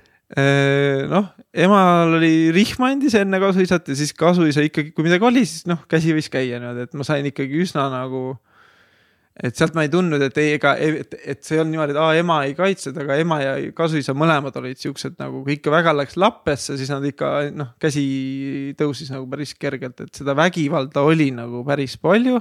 võib-olla mitte nii palju, kui päriselt oli, aga see minu mälestus sellest, sihuke tunne, et ma nagu kasvasin ikkagi mingis hirmus üles, et nüüd jälle käsi trigerdab, kuna ma olen ise ka üsna selline noh, äkiline et siis mul ka nagu, et mul nagu nemad kammivad, ma kammin, mida te kammite, eks ju, ja siis lõppes väga tihti nagu vägivaldselt. et see asi nagu lõppeks, pidi siis mingi osapool nagu. sina said nagu peksa lõpus? jah, põhimõtteliselt küll, kuni siis täitsa lõpus ma olin ikkagi, ütlesin ka, ma annan sulle ise nüüd peksa nagu et äh, siis kui lõpp. kui vana sa olid, kui ta suri? kui ta suri, ma olin ma vist kakskümmend seitse või kakskümmend kuus või. okei okay,, okei okay.. ja see, kui ma ise ta vastu kätt tõstsin, see oli mingi kakskümmend kaks, kakskümmend üks või. aga kas te läksite kunagi nagu? sihukest päris ei tekkinud nagu, mul ikka jõuski üles. sihukest õnneks ei juhtunud, ma arvan, et see oleks nagu võib-olla liiga ära rikkunud selle mm -hmm. suhte, aga mhm. ma mäletan, võtsin nagu kätest kinni ja ütlesin nüüd nagu aitab, sihuke jama nagu, et see oli üsna nagu päris nagu tore ja peale seda läks asjad nagu rahulikumaks, aga ikka aeg-ajalt jälle tuli näiteks Soomest, oli nädal aega seal tööd teinud, räme pinge, noh oligi noh, kujuta, ma ei kujuta ettegi, mis pinge tal tegelikult võis olla. et äh, mina siin virisen vahepeal oma neljatunniste tööpäevadega, et mm. -hmm. et äh, siis tuli sinna, siis tal oli mingi sitt tuju ja siis keegi tegi midagi mikrot, mis talle ei meeldinud ja siis ma ei tea, panigi väike õde, kes on, ma ei tea, kuueaastane, issi tuli koju, paned talle, ma ei tea, nipsu pähe näiteks, eks noh, nii debiilne tegevus, et kuidas sa teed sihukest asja, ma näen tegelikult siiamaani nagu sellel kõige väiksemal õel, et tal on nagu, tal on see igatsus, aga mingi nagu tead sihuke. mingi trots on ka, sest ta ka mäletab tegelikult neid vägivaldseid asju ka nagu. ja siis sama see, et see, see üks see pettumus tagantjärgi mõtled, et mul oli ikka nii nõme kasuisa, peksis oma naist, peksis oma kasupoega, vanem õde nagu ma ei tea, tal kuidagi ta oli nii tubli nagu no ma arvan, et tema õppis ka passiivne olema, vaata või rahulik, vaata tänu sellele, et ongi super rahulik oma kolme, kolme pojaga ja oma mehega, kes on ka vahest nagu poeg. noh, et, et, et ta nagu tänu sellele teistmoodi hästi tugev jälle, et yeah,, yeah. et ta ei lähe nagu kaasa selle. emotsiooniga. jah, et äh, siit ta nagu nii, noh. et, et äh, oota. et siis ühesõnaga see point, et on need sitad asjad, mis ma võiksin öelda, et mu kasu oli täiega nõme ja noh, et oligi vägivaldne muud, et. pettumus oli sul jah? pettumus, et, et, et, et tegel-, et sama see trip, et vaata, nagu sa rääkisid oma isast, et isa pettis ja siis äh, mm -hmm. noh see täielik munn siis noh, tegelikult mm -hmm. noh, okei okay, mm, -hmm. ma liialdan praegu mm, -hmm. eks ju. aga ma ise tunnen sama, et ma nagu sihuke konfliktne osa, et ühelt poolt nagu nõme nõme käitumine mingitel hetkedel, noh ekstreemselt nõme käitumine, ütleks selle kohta. aga samal ajal nagu see, kuidas ta ikkagi nagu mitut peret üleval hoidis, et noh, ikkagi nagu on nagu selle, et vahel see tänulikkus ununeb ära, kui tekib see see vihane moment, kuigi ta noh, nüüd on juba nagu palju, noh, aega nii palju möödas ja ise ka küpsem, aga ikka, et nagu mingi sihuke nagu viha nagu raske on anda sellele käitumisele nagu andeks ja siis ma ei ole isegi kasuisa peal nii palju vihane, kui mõnikord ma tunnen, et ema puhul ma olen nagu, tuleb see viha esile. kui emaga ka nagu rääkinud sellest, siis ema kohe räägib vastu, kui raske laps ma olin ja nii edasi, nii edasi, nii edasi, eks ju, aga. ehk siis tema süüdistab last selles, et tema lõi, et tegelikult laps ei ole nagu kunagi minu arust nagu, laps on laps nagu, et sinna ei saa nagu öelda, et laps oli süüdi hakkas siis noh, emal oli oma trip, tal oli jälle oma üliägeda vana vanaisa mul, eks ju, aga samal ajal, kui ema noor oli, tuli peale üheksat koju rihma. eks ju, siis kuigi sa oled mingi keskkooli laps, eks ju, saad rihma veel oma.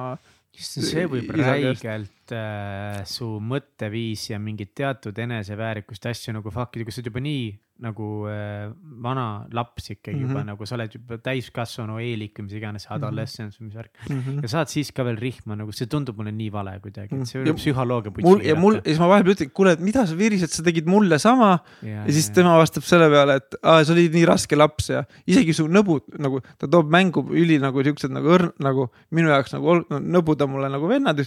isegi su nõbud ütlesid väiksena, kuidas sa ema Anne hakkama saad, et äh, et sul on nii raske, Jaan, eks ju, et mm -hmm. siis nagu hakkab sihukest sitta mulle ette viskama, et. Äh, siis paar, mäletangi paar kuud tagasi üle pikku, sama see tuli, kus Sissi on, eks ma nii nagu emotsionaalselt pullis, ma ütlesin, et lähen nagu emaga tegelikult peale selle Vipassanat ma olen ka nagu me saame palju normaalsemalt rääkida rasketel asjadel, eks ju et nagu müts maha nagu selle ees, aga mingid asjad siiamaani nagu ma näen, et tõmbab temal sita käima, sest tema hakkab siis mõtlema oma lapsepõlve peale mm. -hmm, kui mina hakkan talle ette heitma oma lapsepõlve, siis mul tekib see oma tunne, et mind ei ole kuulda võetud, eks ju. et on vicious cycle nagu, et äh, ja samal ajal ma olen nagu teinud ka uurimustööd, et lähen oma vana-vanaisa küsin, et missugune oli siis ema väikse, missugune teie silme läbi oli see, siis nemad ütlevad ka, et nagu ema ütleb alati, et tema väike õde, tema ei saanud kunagi riielda ja ta ei saanud kunagi peksa ja siis äh, samal ajal vana-vanaisa ütles, et, et, et siis ema õel, tal ei olnud kunagi mingi asja vastu mitte midagi, noh, mõnest teistmoodi, et noh, tal ei olnud nagu mitte oma arvamus on vale sõnaga, et ta tuli kõiki asju tegi ja teeme nii nagu vanemad ütlesid, alati nagu. noh, et sealt tuli null vastupanu, aga emal oli jälle oli alati sada enda arvamust, et ma tahan nii teha, ma tahan naa teha, eks ju siis tekkis need konfliktid ja siis mina samamoodi tegelikult olen ka väga nagu siis nagu tahtnud isepäine olla.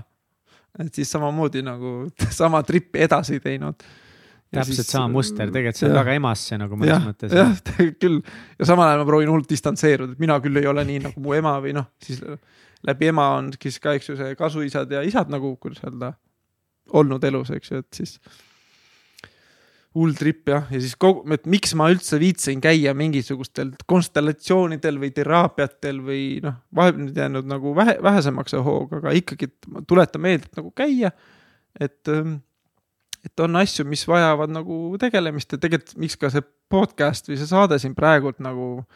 miks David nagu, David tuli minuga nagu rääkima sel teemal, mul oli nagu noh.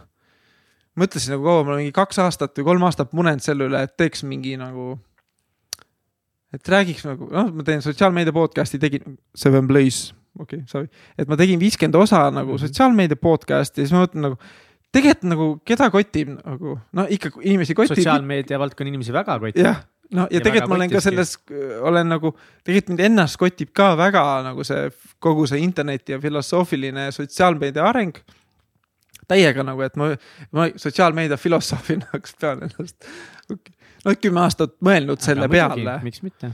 et mis asi see on ja kuidas see areneb, loomulikult kõik, vahepeal on tuttav tunne, kui tekib, et ma olen nagu. eriti sain nagu, lähen nii kõrvalteemast praegu, aga tekib see pealtvaataja efekt, et äh, siis tekib see tunne, et ma ei viitsi nagu osaleda teemas, milles ma ei saa tegelikult nagu ise panustada, aga noh, tegelikult saab ikka nagu eestlaste käitumist sotsiaalmeedias või ettevõtete käitumist, seda ikka saab nagu teha, et alustada Eestis, et ma ei saa võib-olla maailma muuta, aga ma saan, ma ei tea, Eestis ikka, ma arvan, ma olen nagu mõndasid inimesi ikka puudutanud, ma loodan. aga siis täna ma tundsingi, et see on nagu see, see meheks olemine, meeste teemad ja, ja, ja see isade värkide lahti rääkimine, et ma tunnen, et täna nagu sõpra, oleneb jälle, mis sõbrad, eks ju, et, et vanade sõpradega on väga raske rääkida, et mida lähedasem inimene on, et näiteks ma hakkangi nõbu käest nagu tema isa asju lahkama, eks ju. samal, see inimene on siinsamas, eks noh, et nagu, et kuidas ma saan hakata nagu torkima teise inimese eraelu nagu mõnes Jah, mõttes või mõnes tema mõttes. privaattundeid ja tema. jah, aga samas siis ongi. naljakas see, et kui mitte omade omasid, siis kelle veel no.. jah, jah et, et kui mitte omade asju nagu olla toeks, et siis kelle nagu veel, et see on nagu naljakas. just tuli külla nõbu üks päev, ütles. jah, et soovid ka mingit head terapeuti, et ta ka nagu üle pika aja hakkas jälle mingit asju uurima. noh, tal on hooajaline töö ka, et praegu nagu rahulikum ja siis mõtlesin, et tahaks nagu midagi jälle enda sisse vaadata nagu, ütles, Mhm. et siis. esimene reaktsioon oli see, et, et võib-olla ma soovitan kedagi teist, kes soovitaks sulle, sest sa oled mulle liiga lähedane Mhm. no ta ongi mulle nagu noh, vend ja, vend ja siis üks terapeut ütles mulle, et vaatas mu selga ja ütles, et kuule, lõpeta oma nõbu peale toetumine ära, ta ei ole su isa. lihtsalt ka, minu katsumisega ka okay., Okei. selg valutab, siis katsub, ütles mulle, et su siuksed, nõbud on vanemad sinust või nooremad? üks, siis põhiliselt on mul kaks, tegelikult neid on viis, aga siis üks on kümme kuud noorem, teine on kaks pool aastat noorem. oota, kes nõbu, kes nad siis on, kelle? tädi.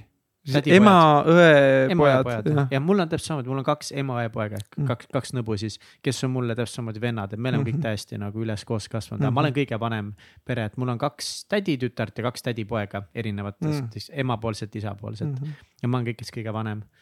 aga kutist ma olen kõigist kõige lühem, jah ma olen kõige vanem ja kõige lühem kurat küll, noh, see trigerdab ja, ja, ja neid ma ikka täiega kuidagi tahaks ka neid aidata ja toetada, tahaks kõiki neid teraapiasse suunata, nii et lihtsalt Nojah. nagu isegi äh, noh, ühel on väga palju teemasid, mida ta peab lahendama, aga ta on noh, väga, väga tubli, aga ta on kindlasti, ta peab lahendama neid teemasid kunagi ja kuidagi ongi nagu noh, tahaks nagu öelda, et nagu tegele rohkem nendega ja mine teraapiasse. aga lõpuks see tahe peab ikka inimese enda seest tulema, et ma nagu ei taha liiga palju ka push ida või suruda. üks, üks äh, sama massöör ütles mulle päris huvitavalt või üldse arutasime ka, et vahepeal mul tekkiski tunne, ütlesin ka veel, et nagu come on, et ma nagu siin rämedalt tripin, mul on nagu vahest jumala raske. me ju tripi-, me ju kogesime sama lapsepõlve, eks ju, et kus, et kus su väljund on, eks ju. okei. noh, tema väljund võib-olla ongi nüüd need kolm uut last, eks ju, et kus ta siis nagu saab seda uut generatsiooni, noh, ongi, ma ütlesin, et tal mehega mõlemad on nii, noh, nii ägedad lapsed tegelikult kasvatanud, et äh, et, et äh, mõlemal noh, omaette jälle raske lapsepõlv, aga raske, kõigil, kõigil on vist raske lapsepõlv ja ka siis on ka võib-olla raske, kui on liiga hea lapsepõlv, vaata. igatpidi ma räägin, igatpidi, kusjuures see korra see ema-isa teema veel, et kui ma käisin teraapias, ma tahan, see on nüüd asi, millega ma tahan täiega rohkem tegelema hakata oma elus. siis oli väga huvitav just see, kus ma, mul tuli see meelde, kus sa seda tassi ja banaani siin laua peal paigutasid, siis äh, see terapeut palus mul samamoodi, me rääkisime mingi peremustritest ja peremudelitest seal ja ma pidin panema nagu oma lähedased inimesed. Nad olid kõik nagu mingid äh, pulgad või midagi või mingid mingid pulgakesed, siis pidin need panema nagu kuidagi paigutama täpselt, pane lihtsalt laua peale nüüd siin on ju. ja see ongi nii huvitav, et, et ütle siis, milline on nagu, mis inimene ja paiguta need, et näed, see pulk oled siin sina, paiguta teised enda ümber mm. -hmm. ja, ja sul ei ole ju rohkem instruktaasi, ma ei ole kunagi seda rohkem teinud, ma ei tea, mismoodi, mis, mis on õige, mis on vale, noh muidugi sihukest asja ei olegi mm. -hmm. siis ma panin kuidagi need niimoodi, et, et minu selja taga ei olnud mitte kedagi minu kõrval olid, külgedel olid, näiteks mu vennad kõik olid mul nagu külje peal kuidagi niimoodi ja ema-isa olid teisel pool külje peal, aga natukese nagu tagapool ja. ja mäletan, mis ma seal veel panin ja, ja ta ka kohe nagu pani tähele, siis ta ütles, miks sinu selja taga kedagi ei ole. ma nagu ei oska midagi vastata, ma ei tea, ma kuidagi tundsin, et panen nad suvaliselt niimoodi ja, ja siis me nagu rääkisime sellest ja lõpuks sealt kuidagi ka ikkagi tuli välja see, et ma tegelikult ei ole kunagi tundnud, et mu vanemad on minu selja taga just emotsionaalselt, et, et nagu ma mitu korda öelnud ka, et mu vanemad on minu eest selles mõttes nagu finantsiliselt hoolitsenud ja, ja, ja loomulikult ka minuga aega koos veetnud ja niimoodi, noh ema äh, väga palju ja. ja et, et selles mõttes tegelikult on nagu kõik fine aga ongi, et aga, aga päriselt emotsionaalselt nad ei olnud tegelikult minuga nagu otseselt äh,, eriti kui noorem olin, noh isa ei olnud üldse emotsionaalselt minu jaoks mingiks ajaks olemas ja ema ka väga palju mitte. ja ma võib-olla ei saanud sellest nagu päris hästi aru ka, siis kui keegi oleks küsinud, et noh, et kas su vanemad seisavad selja taga, siis mingi jaa, ma siin iga kell emale küsida mingit, ma ei tea, ma võin laenude käest küsida, kui ma vajan, et nagu noh, ta on kogu aeg olemas mm. -hmm.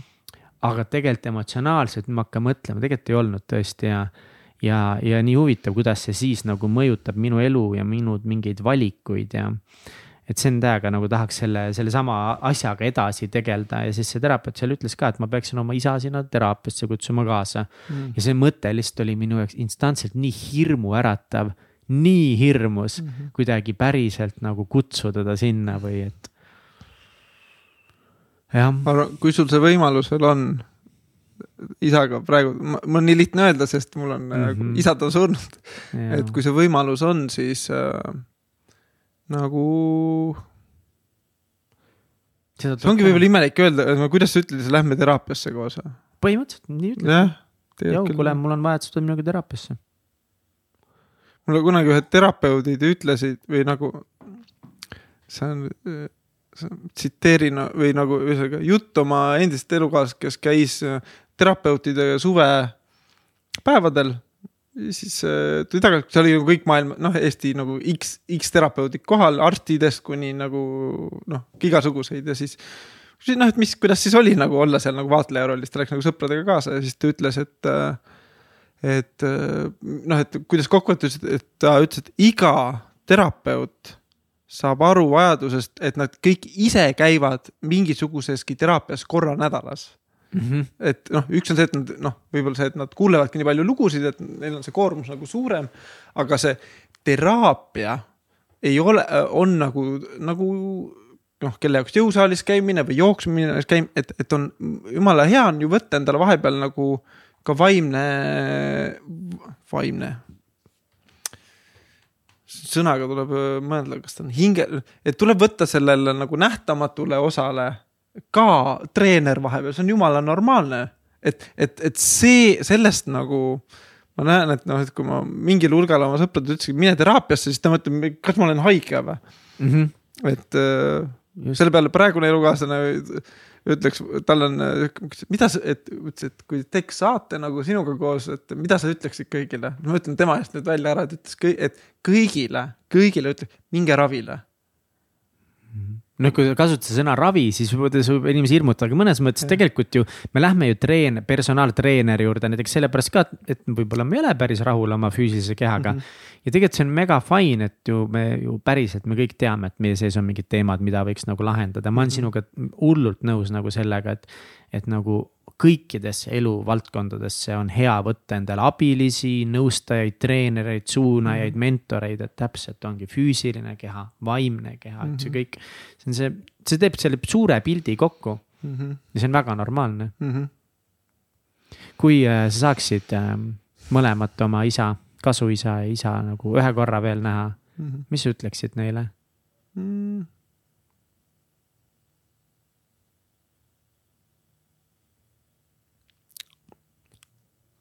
aitäh, et olete, isale ma ütlen aitäh, et oled mind loonud.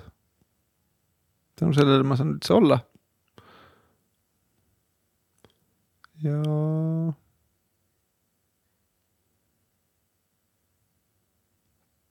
huvitav, isa puhul mul on nagu lihtsam seda aitäh öelda, aitäh, et mind teinud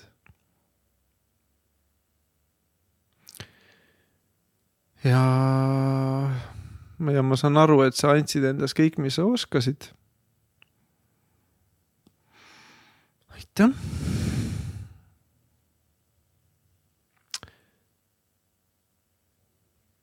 kasu isale. tekib kuidagi, mul on kahju, et sa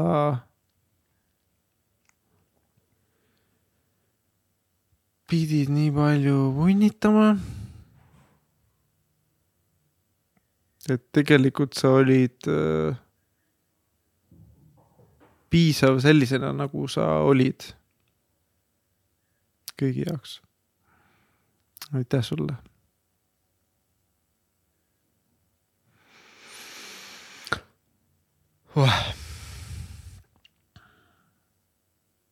noh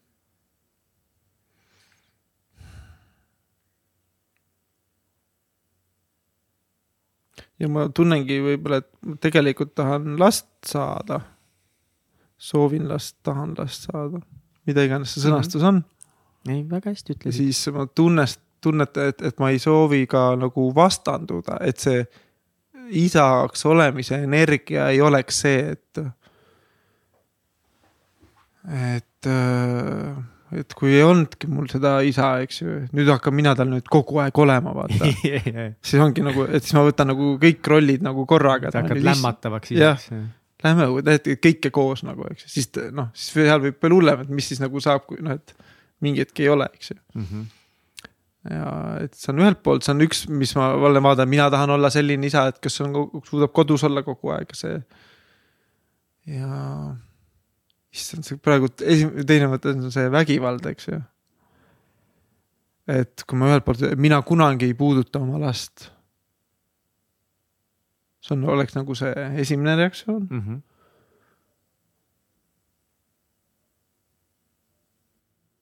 issand, ma mõtlen, et kuidas, et, et see, kui ma, ma annan peksa lapsele, seda mitte, aga kuidas, see on imelik praegu, et, et, et kui ma peaksin tõstma kätt see kõlab ka imelikult, aga ma ütlen, ma ütlen ta välja nii, nagu ta mu peas on. et, äh, et ühelt poolt, ei vaba, noh, et tee, mis tahad, vaata la la la, eks ju, et mitte, et see peab hirm olema. mis ma nüüd koera peal saan palju nagu väga harjutada, et kohe, kui ma olen proovinud hirmuga midagi lahendada. siit, no see asi ei tööta üldse nagu, koer on selles mõttes ka vahetu nagu mm. -hmm. aga kui ma proovin korraga lahe-, kord mm, -hmm. mitte hirm, vaid kord et see on minu jaoks, koer on väga palju õpetanud, mis see nagu erinevus on, et äh, kui sõjaväes ma mäletan, noh, olin seeru, pidid midagi ikka väga kiiresti tegema, siis ma ikka nagu noh, nagu see oli nagu vihaga või kurjaga proovisin nagu paika panna mm -hmm.. noh, mitte kogu aeg, oli neid hetki lihtsalt, kus ma, aga nagu. et, et, et, et see kuidas see on siis? no mina ei usu mingisse täielikusse anarhiasse ja ma usun mingil määral korda ja ma usun nagu mingit teatud nagu süsteemi toimimisse ja. ja nagu ma, minu isa vist ühe korra andis elus nagu vitsa mulle, et ta, aga ongi, et ta nagu osk-, et kui noh, kui ma ikka olin mingi noh, mingi väiksena mingi täiskaak, mäletan ükskord ma ütle-, saatsin ema peresse vist või ma olin, ma olin, ma ei tea, no ma olin võib-olla mingi üheksa aastane, ma ütlesin, mine perse, midagi siukest mm -hmm. nagu. tead, ma olen nagu sellega nõus, et tead mida, väike tats siin ei saada oma vanemaid perse. ja mäletan, paps ikka võttis mul nagu vist umbes nagu kratist kinni midagi nagu ja lihtsalt ütles nagu väga niimoodi tõsiselt, et tead, et ema, oma, oma emaga niimoodi nagu ei räägita, kuidagi oli nagu väga konkreetne ja väga tõsine ja noh, ongi füüsiliselt võttis kinni minust mm, -hmm. ta ei teinud nagu haiget mulle mm. -hmm. võttis kinni ja oli väga tõsine ja jumala nagu toimis mm -hmm. ja ja ma nagu ei kartnud selle pärast teda, aga ma kuidagi nagu sain aru, et, et jah, et see ei ole okei okay ja mm, -hmm. ja minu meelest on nagu vaja näidata ikkagi natukese lastele, mis asjad ei ole okeid, mind läheb täiega ketta, see mõnes mõttes kõik see et nagu juba koolides on ju mingi, lapsed enam ei, kehalisi tundegi pole piisavalt, et nagu jah, maailm muutub ja jah, me oleme teinud lastele väga palju liiga, füüsiline vägivald on mega vale aga jällegi nagu see ei tähenda see, et, et nüüd õige viis on see, et me, nagu lapsed peavad iseennast kasvatama umbes mm -hmm. noh, et, et, et kindlasti nagu raske võib-olla aru saada, et kus see tasakaal täpselt on, aga. aga kui minul laps on, ma absoluutselt ei välista seda, et ma ühe korra elus talle aita-aita teen mm. -hmm. võib juhtuda Shit might happen ma keeran oma lapse nii või naa perse kuidagi kunagi oli see Mindvalley oli Eestis siis seal oli lava peal mingi siukene maailma pro, pro mingi lastevanemate coach nagu siuke nagu. pidi loengut ülikõva loeng oli, ma mäletan ja siis, äh, mis, mis ta täpselt oli, ma ei mäleta, aga ülikõva oli, ma mäletan, ma kuulasin, vau siis selle kõige lõpetuseks vaat küsi-, noh, Q and A oli pärast ja siis küsiti, et no mitu last sul on, siis üks. vist juurde, ei, ma kardan, et ma, et ma tean nii miljon võimalust, kuidas oma last perse keerata, et ma ei hakka teist tegema nagu. See oli nagu veits, veits nagu teine äärmus, vaata, et me nii mõtleme üle. Aga mina mõtlen, et noh, et ma tahan olla nii täiuslik isa, et aga selleks, et selles eeldused ja ootused, et noh, et mina olen nii zen ja rahaliselt paigas, eks, et ei tekiks seda pankroti võimalust, eks, et ma tahan, et kõik oleks nii paigas mm. -hmm. aga siis ei juhtu midagi, et, et sa nagu veits, ma ei tea, oled näinud sihuke film on Idiocracy, kus ma ei ole näinud seda, ma, ma tean täpselt seda filmi. üks, üks paar proovib. tahan täiega vaadata seda, ma ei tea, miks ma siiamaani et üks paar proovib, ootab, et kuni kõik on täiuslik ja hakkab siis lapsi saama ja siis lõpuks ei saagi. proovivad kunstlikku viljastamist ja siis lõpuks mees sureb. naine jääb lõpuks üksi, sest mees sureb siis, kui ta onaneerib, et saada seda spermat endast välja, saab infarkti siis see naine on kõik, me proovisime, aga mul on veel külmutatud spermat järel, mul veel nagu lootust on ja siis on teine See on pere, mis on siuke, noh siuke American, noh et nagu üle võlli sihuke. üli õlli ja siis tu- tu- tu- mängib, eks ju, oma naisega viis last, naabri naisega viis last, teisega seal kümme last, et siis selle aja peal, sellel, perel on juba kakskümmend laps, või sellel mehel on juba kakskümmend järglast tehtud kare peale kokku ja nende noh, ja siis teine mees on nagu surnud, et, et noh, jälle kaks äärmust jälle, eks ju, et mm. -hmm. Aga tead, need mõnikord need äärmused natukese kirjeldavad hästi seda, et, et tõesti, et ma arvan, et noh, see pere loomine ja laste kasvatamine, et noh. ju kõik emad-isad ikkagi üldiselt räägivad, et noh, küllap ta tõesti on üks suuremaid rõõme ja me oleme bioloogiliselt ja keemiliselt üles ehitatud niimoodi. et järglasi saada nagu loodus on meid ehitanud nii, sest iga liik tahab ellu jääda mm -hmm. nii nagu on ja, ja see pakub mingisugust kõige suuremat ikkagi õnne ja rahulolu, sest me oleme lihtsalt ehitatud nii, et, et tõesti nagu sellesse täiuslikkusesse ja eeldustesse ja ootustesse on väga lihtne kinni jääda, aga ei tohiks jääda, et mul endal samamoodi ongi täpselt needsamad nagu tunded, et. et noh, kuidas minusugune tatikas oleks üldse valmis mingisugune isa olema, et nagu mis asja, aga samas ma olen kolmkümmend juba, ma saan kolmkümmend üks kolme päeva pärast mm.. ja, ja minu paps oli kakskümmend viis, ema oli vist kakskümmend kaks, ma olen kogu aeg segamini kakskümmend üks. et noh, ja tegelikult mul läheb väga hästi ja ma olen väga rõõmus, et elus olla ja, ja ema ja isa on mul ägedad, kõik on nagu fine, on ju. et kui nad said nagu kahekümneselt sellega hakkama, et miks ma tegelikult ei peaks saama, on ju, et mis on see täiuslikkus, mida mina siis nüüd taga ajan, on ju. no see ongi võib-olla see, see ootus olla oma isast ja emast erinev võib-olla või isast kumb, eks. jah, et nendest nagu, et laske kõik lahti eeldustest ja ootustest, et siis on elu palju nagu ägedam, et aga seal tunned mingeid äh, tugevaid ootusi ka nagu meheks olemisel, et noh, sa maininud, et nagu, et isaks olemiseks, aga üleüldse nagu. vaata, meil, võib-olla nüüd on see viimane aeg see ette võtta, et ma mõtlesin, et paneks kirja ja erapooletu, missugune on siis minu arust ja missugune on sinu arust nagu sihuke mm. -hmm. kõva mees, eks ju, hea mees. Siis ma nagu, et paljud asjad võib-olla nagu baseeruvadki selle, kui, et ma tunnen, et kui need asjad baseeruvad isa või, või oma, kuidas eelkäijate tegemistel või mittetegemistel, siis tegelikult see on nagu noh, ei tööta, see on jälle mingi ootus või vastandumine või eeldus, eks ju. ja see on nagu. Väga Steven, Seagal vist ütles, et äh, see presumption või assumption is the mother of all fuck ups nagu. tema ütles seda see on väga hea ütlus, ma poleks arvanud, et tema seda ütles, okei okay,, jah. et oma, oma selle, ma arvan, et see jah, okei okay., et äh, siis ma nagu, ma proovin nagu tuvastada, et mis on need minu nagu eeldused ja missugune ma päriselt tahan olla, et võib-olla lastagi vabaks. et noh, kui ma panin et missugune on kõva mees või äge mees, ma olin aus ja avatud, eks ju. Et võib-olla kõike, kõike ei pea avama. no ma nüüd proovin vastanduda oma sellele väljaütlemistele, et, et kust need nagu tulevad et aus ja avatud, et mina tundsin, et võib-olla neid asju minuga võib-olla oleks võinud lapsena rääkida, miks issi ära läks või noh, et, et ma nagu ei saanud aru, et noh, et mis midagi nagu juhtus, et noh, siis jäävad mingid kõlakad, vaata. aga samas on see, et kas ma lapsena oleks suutnud seda kõike vastu võtta, eks ju, Mhm. et äh, ma panin enesekindel ja samas arvestav. Et mina olen jälle, vaata, ma proovin kõikidega arvestada kogu aeg ja jälle see jumala pidurdab vahest mingite asjade tegemist, et ma ei tea, ostan selle, et ma ei pea kogu aeg arvestama, et kas naine tahab seda ka või ta ei taha seda, vaid äh, võtan selle otsuse vastu sel hetkel, mis parasjagu on, eks ju. ja julge ja tugev, julgustav ja toetav. Jälle võib-olla, et ma tunnen, et nagu ma ei ole ise alati olnud noorena nii julge ja tugev või julgustav ja toetav näiteks oma emale, kui ta noh, kasuisaga mingi rah-, noh, et võib-olla sellest tuleneb. ma praegult võib-olla üle analüüsin, et aga, aga siis ja õpiku järgi, mis ma ka tegelikult eelmises saates Davidiga ära arutasin, et see see mehe üks olemus on nagu vabadus. no see on ka mingi David Teida raamatust, eks ju, et mm. kuigi mõnes mõttes see kõnetab päris hästi, et see väärtus aitas mul nagu naisele saada vabadus, vabadus jah, mis mõttes?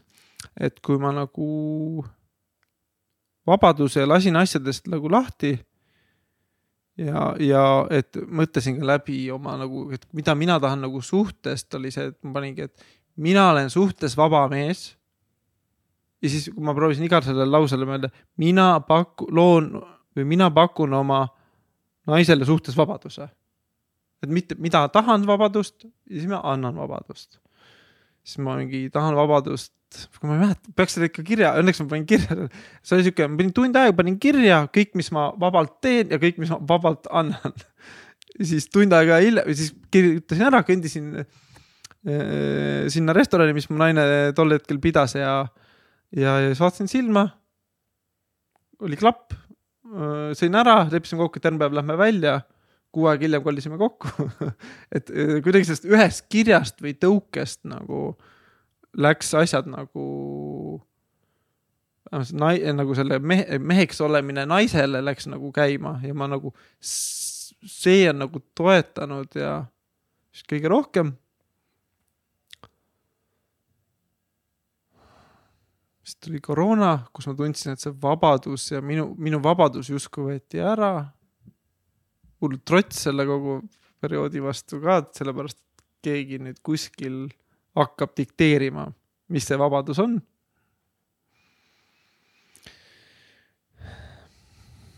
jah. et ma tahaks mõnes mõttes ka sellest vabadusest nagu heas mõttes lahti saada, et täielik vabadus võrdub kaos, noh, selle vastand on jälle kord. et ma vahepeal kodus panen tähele, kus ma hullult nõuan korda mingisugustes nagu, mingi mõttetutes asjades. Samas jumala hea, kui mingi asja ära koristad, eks. see on nüüd koht, kus ma hakkan võib-olla heietama, aga vabadus, et. et see on jälle see, et kui see on liigne vabadus, et õige mees on nagu vaba mees, eks ju, aga siis see vaba, et noh, et ta lähebki, saadab kõik, ma ei tea. Läheb, saadab kõik perse või vastupidi, läheb ja teeb, mida tahab, eks ju. See mõnes mõttes ongi vaba mehe nagu alus, aga siis vabaduses peab olema ka see nagu vastutus. vastutus just, et Just. ma, ma olen vaba, ma võin sulle, võin, võin minna tänavale inimese ära tapma, see on minu vabadus. aga ma ol- pean nagu, et selle vabadusega ma pean teadvustama seda vastutust. et see peab olema selles mõttes nagu vabatahtlik vastutus. nagu justkui väga hästi öeldud, jah. et, et see ei ole vastutus, mida sa pead, et ühiskond nõuab sult, vaid et, et äkki siis, et võib-olla kõige siiramast ja kõige nagu endale kõige paremast kohast ongi see, et kui sa nagu mõtestad lahti, et jah, ma olen vaba, aga, aga ongi ja ma oma vabadusest soovin võtta vastutust mingite asjade osas nagu, et võib-olla siis see on nagu tunned rohkem seda, et see on sinu valik, mitte et keegi ootab või nõuab sinult midagi, mis siis võib mingit trotsi tekitada võib-olla mm Mhm. -hmm., maybe jah no.. Ja see oli hästi huvitav mõte, mis sa ütlesid ka, et, et, et ähm,, et põhimõtteliselt meie need mingisugused, näiteks kui meie nüüd räägime siin nagu täiusliku mehe mingitest omadustest, et hästi huvitav, et kust need omadused päriselt tulevad, et kas need omadused tulevad sellest, et need olid mingid asjad, mille vastandit sina nagu siis tundsid, et noh, ongi, et tundsid mingit noh, ma ei tea, näiteks vägivalda, siis sinu täiusliku mehe peamine tunnus on just see, et hästi nagu noh, kuidagi heatahtlik või et umbes ei puuduta, et, et väga huvitav jah, et, et mik-, kust see tegelikult tuleb, et kas see tuleb sellest, mis sul puudu jäi või mida sa kogesid, mida sa tunned, ühiskond nõuab. või see tegelikult tuleb kuskilt hingest, et milline sa lihtsalt nagu soovid olla, aga samas kõik need asjad omavahel seotud ka, et ja et kus see nüüd lähebki, et kus me kogu selle oma lapsepõlve tripi nagu ära, noh, teadvustame mm. -hmm. ikka, et ta seal on, eks ju. ära kustutame, et see on ju meie, meie mm. -hmm. Kannatused on meie suurimad õppetunnid, eks ju. Aga nüüd jääda kinni sellesse, et mul oli selline isa, nüüd mul on täpselt vastupidi, siis on nagu see jälle see trip läheb edasi, vaata. igal pool on mingi fucking tasakaal, keegi tegi kunagi nalja, et nagu iga argumendi vastus, millele ei saa keegi vastu, on sõna tasakaal. et ükskõik kellega vaidled milleski, siis ütled lõpuks, tead, tasakaal peab olema, noh, kes see sellele saab vastu vaielda, on ju noh. aga mina panin eh, kirja või mina mõtlesin kuidagi, et noh, minu silmis ka sihuke ikkagi väga hea täiuslik mees on kuidagi on, esiteks ta on enesekindel tal on võime asju ära teha, et sihuke sihikindlus ja siis ma saan konkreetselt aru, et see on näiteks minu isast. et, et vot seda ma ikkagi väga väärtustan, et tal on võime lihtsalt nagu ongi esiteks, kui lubab, et ta teeb midagi, siis ta läheb, teeb seda ja kui ja üldse nagu, et ta viib oma projektid ja alustatud asjad alati ilusti nagu lõpuni ja kiiresti, efektiivselt ja. ja mulle nagu väga meeldib see võime teostada, see on hästi-hästi imetlen seda. siis hoolivus jällegi ma nagu tundsin, et mul jäi täiega hoolivusest isast puudu. nüüd mina olen mega hooliv, on ju. siis äh, nagu sihuke vastutuse võtmine. panin kirja, et, et ongi see vabatahtlik vastutus, võtta nagu vastutust erinevate aspektide üle, oma puuduste üle, oma plusside üle, võtta vastutus inimeste üle enda ümber et noh, mitte vastutust nende eest ära võtta, aga nagu olla olemas, kui on vaja. ja heatahtlikkus, heatahtlikkus on üldse minu jaoks üks äh, äh,. keegi küsis minu, minu käest hiljuti, et, et mis on nagu kõige tähtsam asi naise juures ja ma ei ole selle peale palju mõelnud, ma ei tea täpselt, on nagu on noh, on füüsilised näitajad, mis -hmm. mulle väga meeldib, minu arust sina rääkisid selles äh, äh, Katsiga kunagi ammu, kui saadet mm -hmm. tegite ka, et noh, et, et kurat, et see füüsiline välimus ja kõik muutub, et on see hingeline asi, mida peab taga otsima. Ja raske on ka mul tuua välja mingeid isikuomadusi tegelikult, et mis täpselt on, sest mul on olnud väga toredaid äh, elukaaslasi minu elus kes on kõik suhteliselt erinevad olnud mm. -hmm. ja ma olen kõigile meeletult tänulik ja kõiki ma olen armastanud ja kõikidega, kõikidelt ma olen õppinud midagi, et. kuidas ma siis nüüd ütlen, milline õige, aga, aga ma jõudsin tagasi ühe sõnani, heatahtlikkus mm. -hmm. et, et mis iganes see elukaaslane tüdruk on, siis kõige tähtsam, see, et ta peab olema heatahtlik et sihuke lihtsalt nagu mingi siiras heatahtlikkuse lahkus on minu jaoks üks kõige tähtsamaid omadusi igas inimeses üldse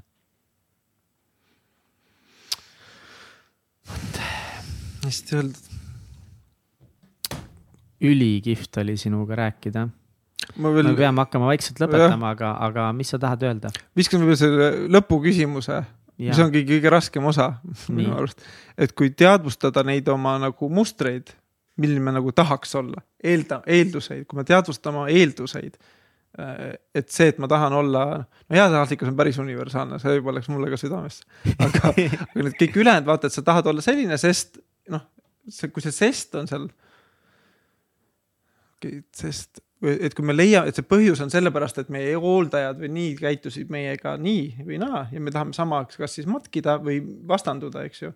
et siis see tegelikult, see on jälle mingi eeldus ja ootus. Et sellest tahaks nagu lahti lasta aga nüüd siis, kui me lase, kui me suudame nüüd päriselt lasta nendest asjadest lahti, siis minu, mina, ma muutun siis nagu avituks, kui ma mõtlen, et aga milline on see siis see täitsa pekkis, mis mees, eks ju. et milline ta siis on, kui me laseme, laseme lahti kõikidest eeldustest, ootustest, tingimustest, mis võib-olla on meie hooldajad, ühiskond, keskkond, sotsiaalmeedia Jeesus, Allah, Buda, Krishnad, mis, mis need on kõik meile tekitanud mingid eeldused ja ootused.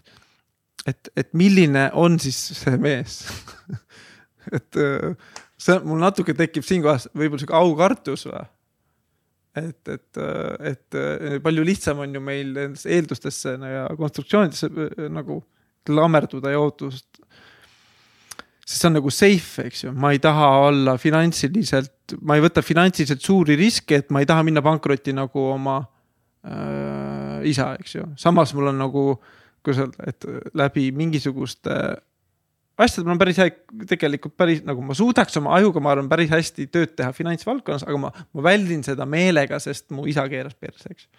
Hmm.. tegelikult mul jälle lähen sellesse, ühesõnaga see point ongi, et, et mis siis alles jääb kui me mm -hmm. need eeldused ja ootused. lasta kõikidest tingimustest lahti, mis meie kahe kõrva vahel on, mis me arvame, et justkui peaks olema, et milline siis on see täitsa pekkis mees mm. -hmm. mõelge selle peale.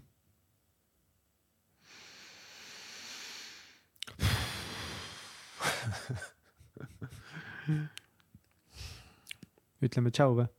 jah. jah, ma ise jah, jälle lõppu. mine, mine, mine. et see, see otsus võib olla siis nagu, otsus nagu olla mees. alati olen ka oodanud seda, keegi nüüd ütleb mulle, milline olla mees, eks ju. sellest ka võib-olla need saate ideed või, või, või ka meheks et vaadata neid eeskujusid, et keegi ütleb, et oh, Elon Musk või mida iganes, eks, kes leiab Osho või noh, kes leiab endale neid ägedaid eeskujusid, mis on ka tegelikult, aitavad võib-olla natukene ennast nagu näha. aga lõpuks tuleb nagu ka nendest minu arust, et oo oh,, Arnold Schwarzenegger oli kõva mees, ma tahan olla nagu tema, eks jälle mingid eeldused, jälle mingid ootused. et, et siis usaldada, mina soovin usaldada enda sees täielikku mehelikkust ja vabadust olla see, kes ma olen sellisena, nagu ma olen oh.. et, see on nii raske ja seda on nagu, see on päris raske kirjeldasid vahepeal, teha. praegu sa ütlesid väga, väga hästi selle lause. Mm. sa ütlesid väga-väga ilusasti seda. kindlasti see on mõte, mida oli juba raske edasi anda, aga sa andsid selle praegu väga-väga hästi edasi. aitäh. Kuidas nüüd elada selle, minu, siis ma võib-olla, võib-olla ma peaks lõpetama võib-olla mõtlemise ja tegut- ja alustama tegutsemise, et, et, et ma vahepeal taipangi, märkan ennast nagu, et sõnadega tuleb asi nagu hästi välja ja siis, aga siis ikka mingid nagu tegevusi analüüsides ikka nagu vaatad, et oh, mida kuradit, noh, et. et sellest ka võib-olla lahti lasta jälle eeldustest, et vahepeal olla ka sitt mees. ja see on ka okei okay. Ja see on ka okei okay,, täpselt. keegi ei ole täiuslik kogu aeg. seda polegi olemas, mm.. täiuslikku meest ei olegi olemas. tõmbab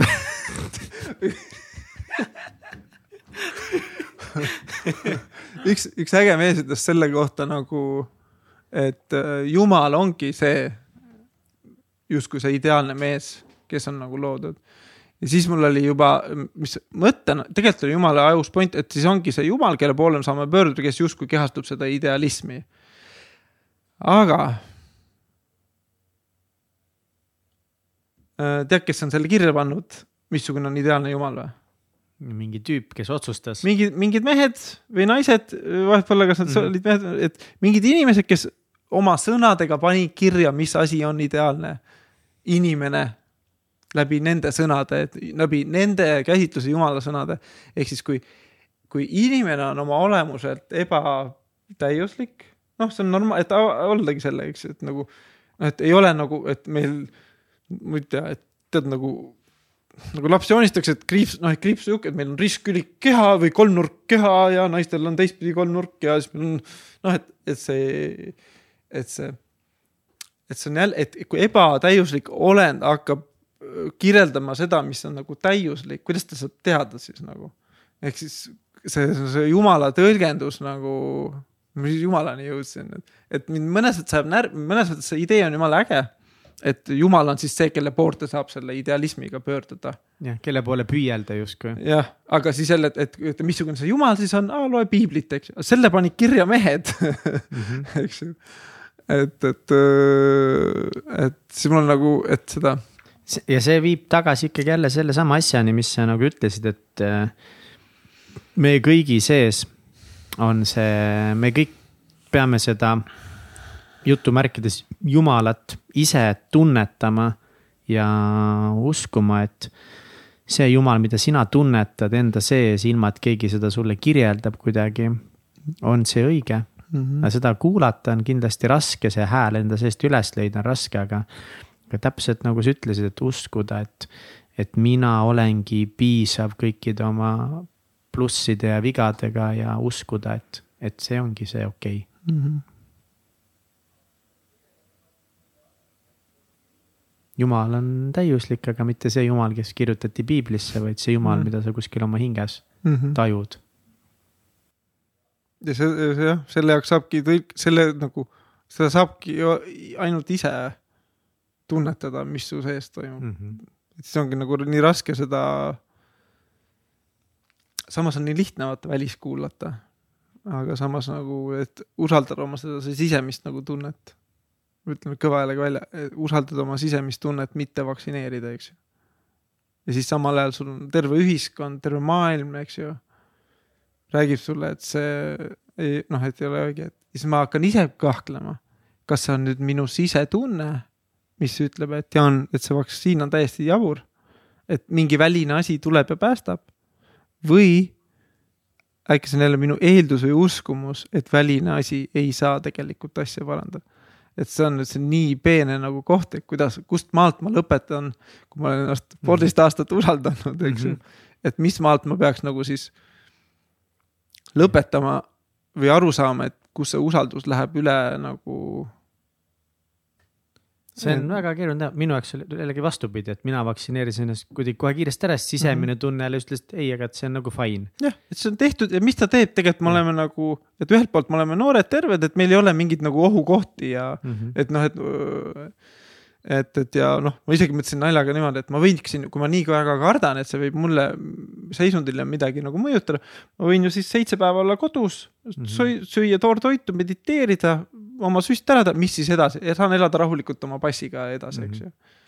aga see nagu see võib-olla see mõte, et et teeme nüüd passid ära, kõik käivad siis ikkagi ringi nii, nagu midagi ei toimuks. minu jaoks need on natukese üldse veits erinevad, täna me ei pea et see on eraldi saade, aga aga, aga nagu vaktsiin kui vaktsiin ise ja siis piirangud ja maailm, kus see täna enam, need on minu jaoks kaks eraldiseisvat asja, et mina oma elus ei ole kunagi vaktsiine kartnud mm. -hmm. ja nagu see teadus, mida mina lugenud olen, on perelt saanud olen, see on mm Mhm. -hmm. nagu, mulle tundub, et suht legit, et see protsent ja tõenäoliselt kõik on väga fine, ma võin vaktsiini teha Mm -hmm. ja kuidagi, aga ma ei sidunud nagu, mul on, ma lihtsalt praegu ise äh, kujutan ette, et osad inimesed, mul nagu ainult oma peas ma kujutan ette seda mm, Mhm. -hmm. et osad inimesed on sidunud selle trotsi ühiskonna piirangute ja olukorra suhtes sidunud selle vaktsineerimise aktiga mm, -hmm. et Mhm. minu silmis on vaktsineerimine ise kui lihtsalt äh, see mm -hmm. keemiline ühend, mis sinna sisse pannakse, mega fine mm. -hmm. aga kuidas nagu näiteks tänapäeval meil kogu see kommunikatsioon on toiminud Covidi osas äh,. Ebaõiglased mingid reeglid, arusaamatud juhised mm, -hmm. et see kõik on omaette teema, kus on nii palju asju perse keeratud mm. -hmm. nii Eesti valitsusel, maailma tasemel, nii palju segast, kui noh, no kõik see on ju, me kõik oleme selles sees elanud, me teame mm, -hmm. mis need kõik fucked up asjad on et, et mul on tunne, et mõned inimesed nagu sellepärast, et need on nii sitasti tehtud, ma nüüd nagu nimelt nagu ei vaktsineeri Mm -hmm. aga noh, jällegi, et aga, aga jah, ma ütlen, ma, see on. ma, kui see, kui see kogu see teema algas, ma olin hästi kuidagi, hästi lihtsalt kuidagi enda jaos mm -hmm. peas mõtestasin kõike seda. nakkushaigus, tee vaktsiini, mega lihtne, tulebki piirata, et kuidagi ikka oli hästi mustvalge mulle mm. -hmm. ja siis läbi selle aja nagu, kui ma olen õppinud äh,, kuidas inimesed nagu vaatavad, kuidas nad suhtlevad, kuidas nad mõtlevad, kuidas see kommunikatsioon toiminud on. ma olen väga palju rohkem nagu saanud aru, et, et kurat, et maailm ikka on nii värviline ja mitte mustvalge, et, et, et, et tõde üldse asjades leida on väga-väga keeruline tänapäeval mm, -hmm. infot ja arvamusi ja inimesi on nii palju, et, et kui ma kunagi uskusin, et, et tõde on ikkagi, et igas asjas on väga lihtne tõde peidus, siis kuidagi ma olen nüüd õppinud, et, et kasvõi sama see meheks olemine, kõik need eeldused, et, et, et tõde on ikkagi üks ütlemata keeruline asi, mille tagaajamine ongi mõnes mõttes inimeste ülesanne ja, ja ka nii vaktsiinivastased kui vaktsiini pooldajad, kõik võtavad tõde nagu liiga kiiresti omaks mm., et, et mõlemalt poolt võetakse mingit tõdest liiga omaks, see tõde on üks väga keeruline asi, mida leida tänapäeval üldse mm. -hmm. ja ma olen väga üllatunud sellest avastusest. aga see on mind nagu see on, see on mulle midagi andnud, see on mind kasvatanud, see on mind ka nagu võib-olla segadusse ajanud. Aga see on sihuke huvitav tõdemine.